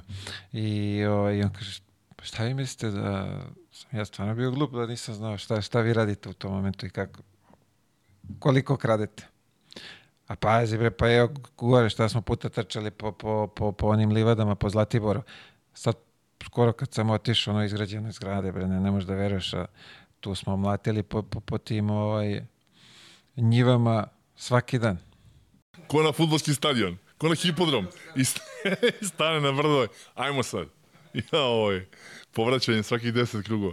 Tako da, ovaj, eto, to sam, to, igrao sam, kažem ti, do, do ne znam koliko godina, nekih 20, ako sam počeo sa nekih 14 tek, pa nisam ni 15 godina dobacio, ali do, do tri banke maksimum sam odigrao, ne, ne više. Ovo me zanima, ti odlučuješ, ok, basket, mislim ti nastavljaš da igraš, prestaješ ovo kao profi. A, ulaziš na, na, na RTS, treći kanal, tamo dolaziš. Ti odlaziš tamo, ne znaš ništa o tome i tražiš, Da, pitaš. 90. sam počeo, mislim da sam uporedo igrao i negde do 93. 94. To je znači nekih, eto, do, tako prilike. Ove, I ne znam, posao na televiziji je izuzetno zarazan. I tu sam imao više sreće nego pameti kad sam počeo na trećem kanalu. Treći kanal je tražio ljude, ali nisu imali koga. A ja sam nešto radio preko studentske zadruge i televizije. I onda mi je čovjek koga sam znao tu rekao, ajde vam da probaš ovo nešto novo. Traže ljude, pa ja vidim da ti za sport ono, sve bi dao. Stalno pratiš, čitaš, gledaš, pričaš o sportu, o košarci, kao ajde dole da vidiš da probaš njima ako možeš nešto da radiš, da vidiš da pomogneš. Ili oni tebi da pomognu. I tako je krenulo. Prvi posao je bio da sam došao kao tamo klinac i sad on, razgovaram sa urednikom te opšte neke rubrike na trećem kanalu, to je januar 90. I on meni kaže šta ćeš ti, januar ili sad kasnije malo kreće tu, nemam pojma, priča neka, šta ćeš da napraviš, kakav prilog ćeš da napraviš, a da nije na, drug, na prvom i na drugom programu već viđeno. Kao mi nešto radimo što je novo, alternativno, mlado, ludo. I ja kažem, ovo je ženski futbol. Ta 90. godine napraviš priču o ženskom futbolu, prilog neki od 5 minuta, Pa ima bio klub, ja mislim, radnički na Novom Beogradu, ako se ne veram. Tako nešto. Nađe me neki kontakt jedva. Malte ne ono da odem u, u politiku i u novosti, mi izvinite, da li imate neki kontakt, nađe preko nekog drugara i pojim se posle paš dana s tom idejom, a ovaj kaže, ma jo, ako ostavi to ideš na hipodrom. Znači ja na hipodromu u subotu nedelju trčkački dani, pa idete ti Sanji Gnjatović, toga se sećam. I ovaj, a, a pre toga sam jedno 5-6 meseci sam radio, ali ništa nije emitovano. Ništa nije, da, da, da, ništa nije emitovano. To što je rađeno, to su neki gledali ljudi i čekali. Da, ali čekali. Ništa nije bilo preko noći. To danas, ne danas, ali u poslednjih 15 godina, evo ti kamera, evo ti mikrofon, evo ti ovo, ajde, sad si ti TV zvezda, svi te znaju piljere ispred tvoje zgrade, majstore, ali nekad ranije smo mi malo prošli neku obuku i radili, radili, radili, a ništa emitovano nije. Da što je kao u novinama nekada kada si prelazio neki put pa ti ne, ne stavi ni inicijale. Pa kad dobiješ inicijale na vest, sad si srećan, zadovoljan. E tako je ovo bilo i uglavnom taj prvi prilog koji sam uradio, koji je emitovan, je sa hipodroma. I znam, sećam se, ja sad ne znam ništa o hipodromu, konjima i ostalo. Znam delimično nešto, mislim. I ja petak na hipodrom, dobar dan, dobar dan, ja sam novinar treći kanala, on možeš misliti. Oni čega?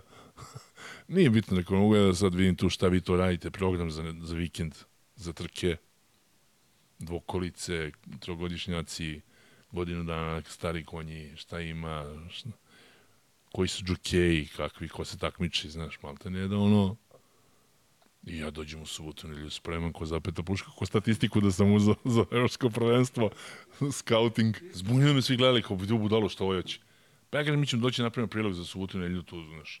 Ali ovaj, ja bi došao da malo samo vidim šta ima tu novo, šta, znaš, ko je kakav konji i džokej. I eto, do, nis, nisam bio zapeta puška, naravno, vjerojatno sam bio predstavljen do smrti, ali sam napravio prilog neki Pa to je pakao bio, ba, sećam se ja toga, nisam kasnije to ni gledao, sećam se da mi prešao, dvokolice su mi prešle preko noge sa ovim točkom, jer on bio nervozan, znaš, kad završi trka, on stalno on ide na, naprijed, džokej ga daće malo nazad. Posle ja pričam sa njim, znaš, da mikrofon ide onako, ovaj, i sad ono, ladno mi je, kako sam ja pričao tu njemu, ladno mi je on točkom prešao preko noge. Znaš, sad tu onaj pesak, ona zemlja, ono, upadne ti noga, nije problem, ali mi je ladno prešao, ja sam samo napravio grimasa, ali se smijem, a ono boli, znaš ne znam kamera da li snima iz mene to, u tom uglu, u tom momentu iz kog ugla snima. I mislim da se Jockey, znam da mu je nadimak bio Mike. Toga se sećam i dan danas. I znam da je dao jednu izjavu, ja sam posle toga to ovaj, zapamtio. On je tom uzbuđenju, znaš, on je bio drugi u nekoj trci. Sad je Sanja intervjusala pobednika, sad ja njega. I on kaže, imam da izjavim da sam stigao posle ovog najbolje konje u Evropu i on će za mene uvijek da bude favorit. I ja sam to i danas zapamtio, Miki je bio legenda i to je moj prvi i, i eto tako da kažem prilog i intervju koji je otišao u etar sa hipodroma. Možda danas zato imam rep. I kao, znaš, kaže, kako si švenac, dobro. Tako su se zezali tih dana, kao, šta ima novo šaljenje, ništa.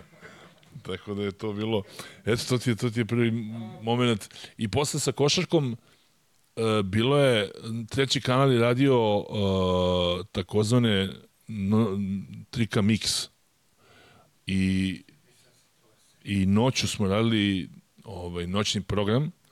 Na primjer, do Tysonovog meča u 5 sati mi radimo u toku noći nekoliko stvari i Duško Korać jednom rekao, ej, nema šta, se pusti ovde, ajde ubacit ćemo neki NCAA. Ajde ulazi. Večeras kao u studiju, budi spreman. Ali ne sjećam se uopšte koji sam tekmu prvo radio što se košarki tiče, to je bio, znam, koleđ. Ali koja, nemam pojem. I onda smo tu popunjavali vreme da bi ujutru ovaj, Tyson krenuo i čekaš ga celu noć i njegova borba traje 12 sekundi što bi rekao kasnije i Oca Medović, traje duže intoniranje himne nego sama borba. Znaš, taj sam izađe, udari ovo i padne dole ko vreća i gotovo. Da, da Dule Korać dolazi kasnije da radi to ujutru. E, on mi je dao šansu, on mi je rekao, ajde, to, ali možeš to. I onda sam radio i je to tako krenuo. E, reci mi, kažu mi ljudi da ovaj, imaš, imaš taj feeling da, da, da otkriješ talente u, među kolegama. Nije. A, reci mi, je na tvoju inicijativu Gojko Andrijašić krenuo sa komentatorskom karijerom? Nije, nije, nije, nije. Ne, na inicijativu Vladanka Stojkovića. Gojko je radio kod nas kao realizator ovaj, u režiji, a mnogo je znao o sportu. I onda je ovaj Vladanko koji je bio tu počeo na Palmi u penziji da radi futbol. I onda povuku Gojka i Gojele je otišao tamo i radio je ovaj, ali to, to znaš, ne, ne, ne otkrivam nikakve talente. To, to bi RTS morao da ima, na primjer, da radi sa mladim ljudima. Da ti uzmeš nekoga i do njega praviš mm, te velice, novinara, voditelja, bilo šta. E, a za to se danas nema vremena, to je šteta. Ove druge televizije ne vremena da to imaju planu, ali RTS bi to mogo da radi. Međutim, nema se vremena, znaš, traži se mnogo, traži se rating, traži se ovo i ono, juri se za svim tim stvarima, ali u principu bi moralo da bude tako neko odeljenje koje će radi sa... To je, kažem ti, praksa. To je praksa, to je zanat. Fakultet je jedno, fakultet je jedno, a ovo drugo je praksa, ovo je zanat i neko treba te nešto naučiti. Da ti kaže makar gde ćete čekati zamke o nekim stvarima. To ti mnogo lakša u životu put. Znaš, ja sam pitao i gde da stanem kad kamera gleda, gde, ja, gde se okrećem, gde držim mikrofon. Znaš, ono kao, sad ovaj mi gleda kamerom, pa kaže kako je tebi logičnije, pa rekao, logično je s tom pričam da ova ruka ide. Neću ovu da prožem preko ramena da me slika kamera. Pa, znaš, no, tako je. Pa kako se okrenem, pa to danas mnogi zanemare. Kad imaš jednu kameru koja slika tebe, ja tebi postavljam pitanje i onda ljudi ne gledaju danas na mnogim televizijama to da vidiš. To je, to je pakleno smešno, ja, to ljudi više ne gledaju, a to je smešno televizijski užasno. Ti mu vidiš uvo samo i eventualno nos, jer, jer slika ga kamera odavde. Nikad novinar taj da se seti da se pomeri leđima malo ka kameri, da kamera, ti se sam okreneš, ja u momentu neki put i sagovornike okrećem, Evo viš sad iz mog profila, što vidiš, samo profil vidiš uvo, još gore kad ga vidiš ovako.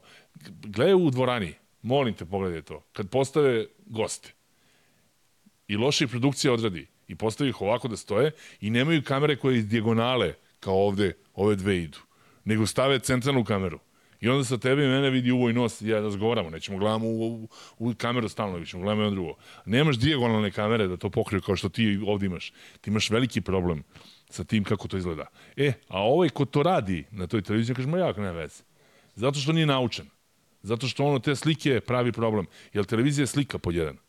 Pod dva su tek te velica, komentari i ostalo. Televizija je prvo slika moraš da, viš kad bi gledali prenos jedan, ti ja sad ti objasnim šta sve postoji, šta je sve loše, šta je sve dobro. To ka, a to kad bi objasnio tim ljudima na tim televizijama, šta je problematično. Jer oni ne kapiraju da gledaju RTS i da vide kako izgledaju svi kadrovi, da gledaju druge televizije da vide kako izgledaju svi kadrovi. Ima mnogo loših stvari. Znaš. Vidi, s obzirom da ovaj, ništa od toga nisam prošao, ni televiziju, ni školovanje, ja odlično funkcioniše za sad. Vidi da ti kažem nešto i podcast je, podcast je pravo pitanje šta je podcast. Ja kad kažem ljudima šta je podcast, niko ne može da mi odgovori. Vidi, ja to gledam kao jednu drugarsku kafansku priču, sednemo, porazgovaramo i to je to. Ti ovo radiš i ovo radimo i ide na YouTube. I to je okej. Okay. Podcast je ponekad, nekad je postojao da bi se ljudi s radija ili negde videli i imali, tako je krenulo, naravno, a danas tu postoje dobri intervjui koje ti kad bi pustio na nekoj televiziji, to više nije podcast nego televizijska emisija, intervju. Znaš. Ali inače, ali inače forma je do, ne, pa, e, mnogi guraju na TV, što nije dobro. Ovo je forma, što si ti rekao lepo, ne kafaska priča, jedna prijateljska, drugarska, gde može da se ispriča tako neki stvari koje ne možeš da čuješ na TV-u, koji nisu za TV, nego su ipak za YouTube kao mediji koji danas postoji ovaj, u, u novom nekom društvu. Ali... A, recimo sad kad spominješ YouTube, uh, zanima me jer misliš da će, da će YouTube uh, oboriti televiziju? Mm, kod nas nikada. U svetu možda. To je platforma, ne samo to, društvene mreže, socijalne mreže su opasne, ne opasna stvar, nego su napredne vrlo. I pričao sam sa šveđanima pre ne znam koliko godina, oni imaju problem, oni su, na primjer, naplaćivali valjda TV pretplatu po kupljenom televizoru I mladi neće da kupe televizor uopšte. Kupuju velike monitore koje vezuju na, na kompjuter i gledaju sadržaj koji njih interesuje. Gledaju streamove razne. Imaju one kodije i one programe kojima se nakače i koji gledaju i ne interesuju ih uopšte šta daje nacionalna televizija ne švedske, nego bilo koja u svetu. On bira sebi sadržaj. Znaš, stvar izbora. I to je danas neminovno očigledno. Kod nas mislim da neće YouTube i ovo preskočiti televiziju, jer voli narod u Srbiji Znaš, uključi, sedne i gleda šareni, šarenicu, šarenicu, pre podne subotom ljega, vidi ovaj šarenac kako se gojio. Vole, vole ljudi u Srbiji da im televizor, kako bi se reklo, radi ceo dan, znaš. Ali šta se radi? Da, pa jedna smo među zemljama, ja mislim, e, koje najviše gleda TV. Po nekim istraživanjima. Mislim da sam dokopao do nekog podatka da smo među e, zemljama u Evropi koje najviše gleda televiziju toko dana. Pazi, taj podatak je poražavajući. Ja mislim da to samo govori da ovaj, uh, mi imamo dosta nezaposlenih ovaj, koji imaju vremena da provedu toliko vremena pored Pa TV ne znam ekrana. da li su to nezaposleni ili kako, ili ljudi dođu s posla, pa uključe TV i što bi rekli, upale TV. Vidiš, kako ne razmišljam, uključe televizor, a ne upale ga, pali se vatra. Znaš što kad mi uvijek kažu otvara kontranapad? Jo, pa gde otvara kontranapad? Otvaraju se flaše vrata, otvaraju se prozorine, otvara se kontranapad, se započinje. U redu je slengu što ti ja vičemo na utakmici na treningu otvori kontru. To je drugo, ali to nije dobro za publiku povuci kontru, mi to viknem i povuci, povezi okrenem drugi, šta da povučem. Znaš ti sam kako je to bilo. Ali vidi, ne, ali to ne smeš da radiš na TV-u. Ne otvara kontru, ne otvara četvrtinu, ne otvara utakmicu, bre. Otvara se konzerva, otvara se flaša, otvara se, otvara se vrata, frižider se otvara. A utakmica se započinje, započinje se četvrtina. Ne započinje se šta ovdje. Nije trojka iz kornera, nego iz ugla, iz ćoška, pa i da ti skuta. Znači, nije iz kornera. Da li bi ti prenosio neki drugi sport? I koji bi to bio? Probao sam tenis jedan po dva put, morao sam, bila neka frka, Igor nije stigao, Igor Miklja koji je radio, nije stigao na meč, pa sam radio neki, bože, ono je najbolje.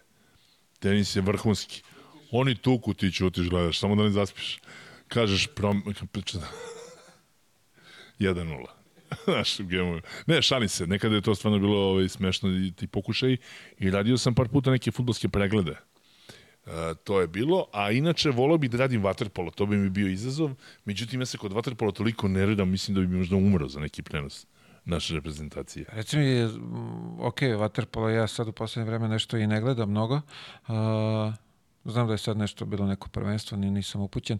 A, ovo me zanima, znaš ti bre sva pravila u, u Waterpolu? Vaterpolo, znam. Znam, znam čak i za NFL, ne brini se.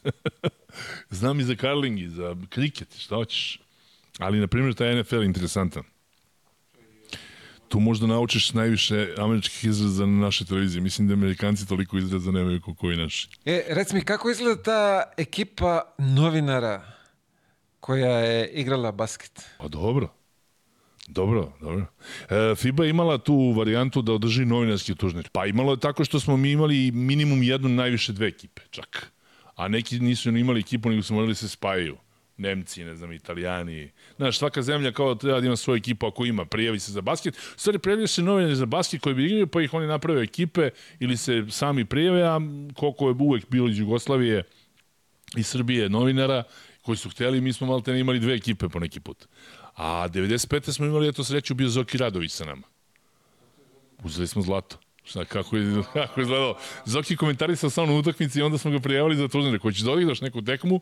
Kao ajde, da, bio je Deki Kolarević iz Čačka, naš iz Čačka kakvi su šuteri, pa šta ja pričam. Vladan Tegeltija, Zemunska škola košarke, odličan šut, Da, ja sam provalio da njih trojica su bermudski trougao i kako im vratiš loptu, tako možda ideš u, u, odbranu. Ne, ne. I onda sam samo skakao i, ne, samo sam skakao i davao im lopte. Znaš, Zoki nije hteo da igra naravno ono puno snagom, nego je razigravao pomenutu dvojicu, Deki Koladević, kažem ti, Vladan Tigeltija. I 95. smo uzeli zlato. 98. isto smo uzeli zlatnu medalju na tim nekim novinarskim turnirima.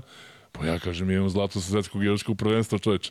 Posle se to izgubilo, pa FIBA niše, više ne organizovala. Imala nekoliko navrata, prijavljivali su se novinari, ali bilo ono ne mogu više, ne interesuje me, ali je bilo interesantno, znaš, bilo interesantno. To su one posljednje godine moji trzaj. To su oni moji trzaj bili posljednji. To je ona čujna mutina ka- kad ga pitaju kakav igrač, u, dobar igrač, dobar igrač, kakav ček, u, bolji igrač, bolji igrač. Da, da, da, da, da. Mutina, ona najbolja, kaže, pa što šutiraš, kaže, pa sam sam, pa oni hoće da si sam. Šta radiš, jesi normalan? Kontaktirao sam ga, bili smo nešto ovaj, u kontaktu i skoro smo se nešto i, i videli, ali kaže on da kako da formulišem to zvao? lepo. Ti istraju u tome, molim te. Mislim da bi to bilo fenomenalno. To bi bilo fenomenalno, to sa mutom bi bilo najbolje, ja mislim da ne bi bolje imao od toga. Pa ako bi došao, onda bi baš morao ovaj, da bude onako, zna da bude grub i onda je bolje da, da začekamo neki bolje, bolji moment, tako da. Mislim, vidjet ćemo, pa Potrudit ćemo se, bit ćemo uporni, nećemo da odustajemo, ipak to je muta. Ovaj, znam i sam da, da bi bio izuzetan gost, tako da bit ćemo uporni, nećemo odustajati od njega. Istraj probaj, nije, malo je onako, čini mi se da se malo zatvorio za javnost, deluje mi. Ali, ovaj, probaj, probaj, to bi bilo izuzetno dobro. A, reci mi ovako, obično ovo o, pitanje za košarkaše, ali ok, ti si bio jedno vreme košarkaš, ali ajde ovako i možda se uhvati za poslovnu ovaj, karijeru i, i za basket. A, šta bi izdvojio, izdvojio kao najteži moment u, u, u Pa karijeri? nemam pojma kako bi... Pa na šta bi se to odnosilo? Na posao ili na privatne probleme vezano za posao ili šta? A, pa ne, ne, ne, ne nek, nek, nek bude ovaj nek bude posao. Nećemo pri, ovaj u, što bi se rekla privatno da da zalazimo mnogo, neka neka bude taj neki deo iz iz posla. Pa uvijek sam imao više sreće nego pameti. Tako da nemam neku... Nisam problema imao do sada, pravo ti kažem, na poslu. Ni zbog posla, ni zbog mojih stavova nekih. Ja opet ulazim danas, znaš, gledam sa, sa, sa ove strane, svi, se, svi te mešaju u politiku kako god. Znaš, ne možemo da pobegnemo od toga da da je ovaj politika u sve upetljena, znaš, pa i u televiziju i u košarku i tako dalje. I onda me pitaju ljudi što se ne oglašavaš po nekim stavovima. I ja kažem onda, a šta sad moj stav može da menja? Pa može da kod nekih, da im pojasni stvari ovo. Rekao, dotle, u velikom smo problemu ako moja priča neko može da otvori oči. Onda smo, rekao, u debelom problemu. Ja stvarno, znaš, ovaj, ne znam, bilo je, bilo je onako teški momenta privatno vezano za posao kad sam trebao da radim, a bilo nekih teških stvari, tako da to je, ovaj, ali to nema potrebe. Da, ali nisam imao, nisam imao neke najteže, sportisti su imali mnogo veće probleme s povredama i sa nekim otkazima i sa nekim klubovima i tako dalje, igrama i, i to ljudi moraju da shvate da je pakleno teško svakog dana raditi sve iznova, isto, trenirati i, i mnogo lepih stvari ima, da se ne lažemo. Mnogo dužnih stvari koje moraš da pretvoriš preko glave i koje te ko zna gde čekaju. Zato su NBA imali dobro nekada, imali su neka predavanja za rukije. Jel ima i dalje? E, pa bio sam ja, bio sam ja ovaj, isto učesnik toga, to se zove Rookie Transition. Bra, to traje par dana ovaj, za sve te rukije u NBA-u i mogu ti reći veoma jedno onako poučno i zahvalno iskustvo. Oni te okupe tamo, kažu ti, ne, droga, kurve, kocka i sve ostalo i onda te malo upute ovaj, kako bi trebao da se ponašaš. Brinu o svemu. Ne. Mislim da je dobro da se klinci bave sportom, da to ne zaborave deca danas i da imaju obavezu. I da telefoni su u redu i non stop su klinci na telefonima, se ne lažemo. Ali moraju da imaju sport pored sebe, postaju bolji ljudi, moraju da imaju sport pored sebe, će biti donekle zdraviji. Ti znaš i sam profesionalni sport, mnogo odricanja, mnogo povreda, mnogo problema kasnije u životu. Nije. Nije. Amaterski je zdrav i zdrav je za decu. Kasnije profesionalni sport nije zdrav. Vrlo je težak, naporan, iziskuje mnogo povreda i svega ostalog i problema, ali deca treba da se bave sportom iz jednog drugog razloga, soci, sociologije gledam i sociološki, da nađu svoje mesto u čoporu, ja bih to tako objasnio da se da ne budu asocijalna, da jednostavno imaju društvo, da se druže, da vide da ima svakojakih pored mene. I ona vojska nije bila loša koju sam ja služio i tako dalje. Shvatio si kakvih ljudi sve ima. I pametnijih, i manje pametnih, i jačih, i slabijih, i one koje treba zaštititi, i one koje treba se skloniti od njih. Sve su to životne škole koje nisu loše. Mi smo mislili da da gubimo godinu dana u toj vojsci, ali nije to loše bilo. Da si naučio da ustaješ i u pet i u šest kad treba ujutru i da radiš ceo dan i da spavaš popodne i uveče kao klen i tako dalje, znaš, i naučio si da poštuješ starijih, da poštuješ, ne, ne znam, to se nekako izgubilo. Znaš, danas, ja, da, ja sam iz tog vremena, ja sam iz vremena kad se nisu zaključavali zgrade i stanovi. Kad je bilo normalno kod komšije da otvoriš vrata, da uđeš kažeš komšije stavi kafu. Ne treba da mailom pišem ili da pišem porukom jer se vidimo danas u toliko toga sati, nego jednostavno, znaš, zgrade su bile otključene, stanovi su bili otključeni. Mi smo izlazili napolje, ceo dan smo bili napolju, kad, kad imaš vremena, kad ne učiš. Znaš, da se ne javiš komši i kažeš dobar dan. Prijavljao sam se pre 120 metara, 50 metara oko zgrade svima sa dobar dan. Tetkica kad ti kaže u školi da si bacio neki papir, jer ti tetkica kažeš sve što pokupi, to nemoj da te kažem ne, direktoru, ne profesoru, ne nastavniku, ne tati i mami. Pa si lud. Pa to je zakon za nas. Ovi danas rade po školama, ovo je strašno. Ne, ne, ali pazi ovako, to je, uh, naučite, naučite to nekim, ovaj, nekim vrednostima i ponašanju, dođeš na, na, na, na trening na vreme, da znaš da se ponašaš, uh, da znaš sa grupom da se ponašaš, kako da ispoštuješ sa igrača protivnika i sve to. Taj neki socijalni moment je najbitniji i da se rađe u kolektivu, vrlo bitno kod ekipnih sportova. Pojedinačno moraš imaš jaku glavu, mora da budeš ono dobar. Ali kod ekipnih sportova danas ja nisam, ti ćeš danas dati više. Sutra ja dajem zbog tebe pa ćemo da zajedno rešimo neke stvari. Daj da vidimo ponovo decu na trenima da lupaju loptu o table. Malo ih ima. Kum mi moj juče kaže prošao je, baš smo se juče sreli.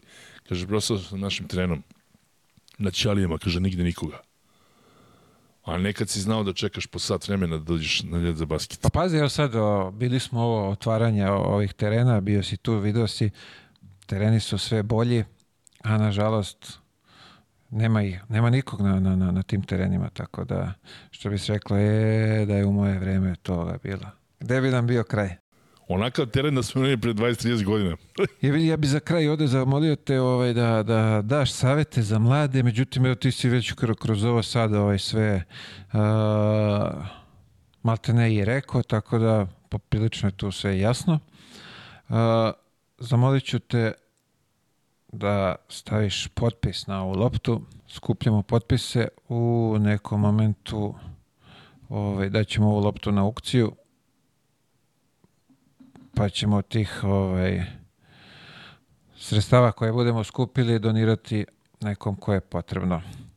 Ostavit ću samo inicijale da me sramota se potpišem pored ovakvih imena.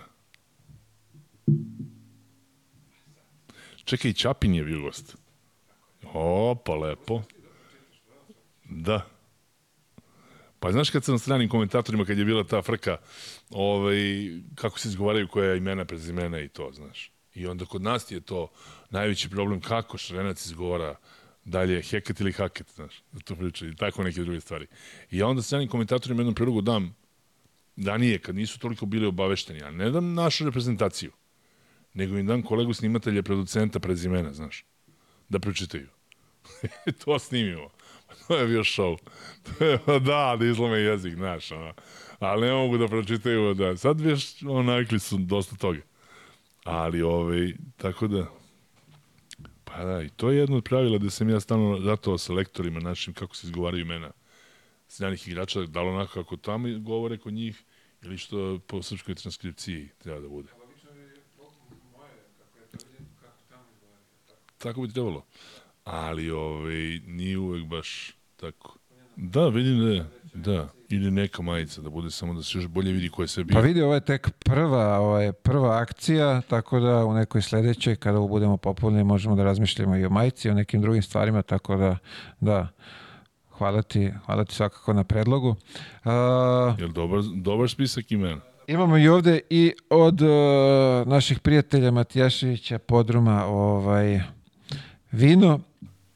Inače volim tamna, opora, jaka vina bela i roze moraju da budu dobro ohlađeni, da trnu zubi, ali ne trošim, boga mi, i, i onda bih morao da... Rock and Rose budem. za tebe u ovim toplim danima. Čuo jesam, hvala. Da podeliš sa gospođom ovim putem da se zahvališ još jednom, ovaj, da je pozdraviš, da je zahvališ.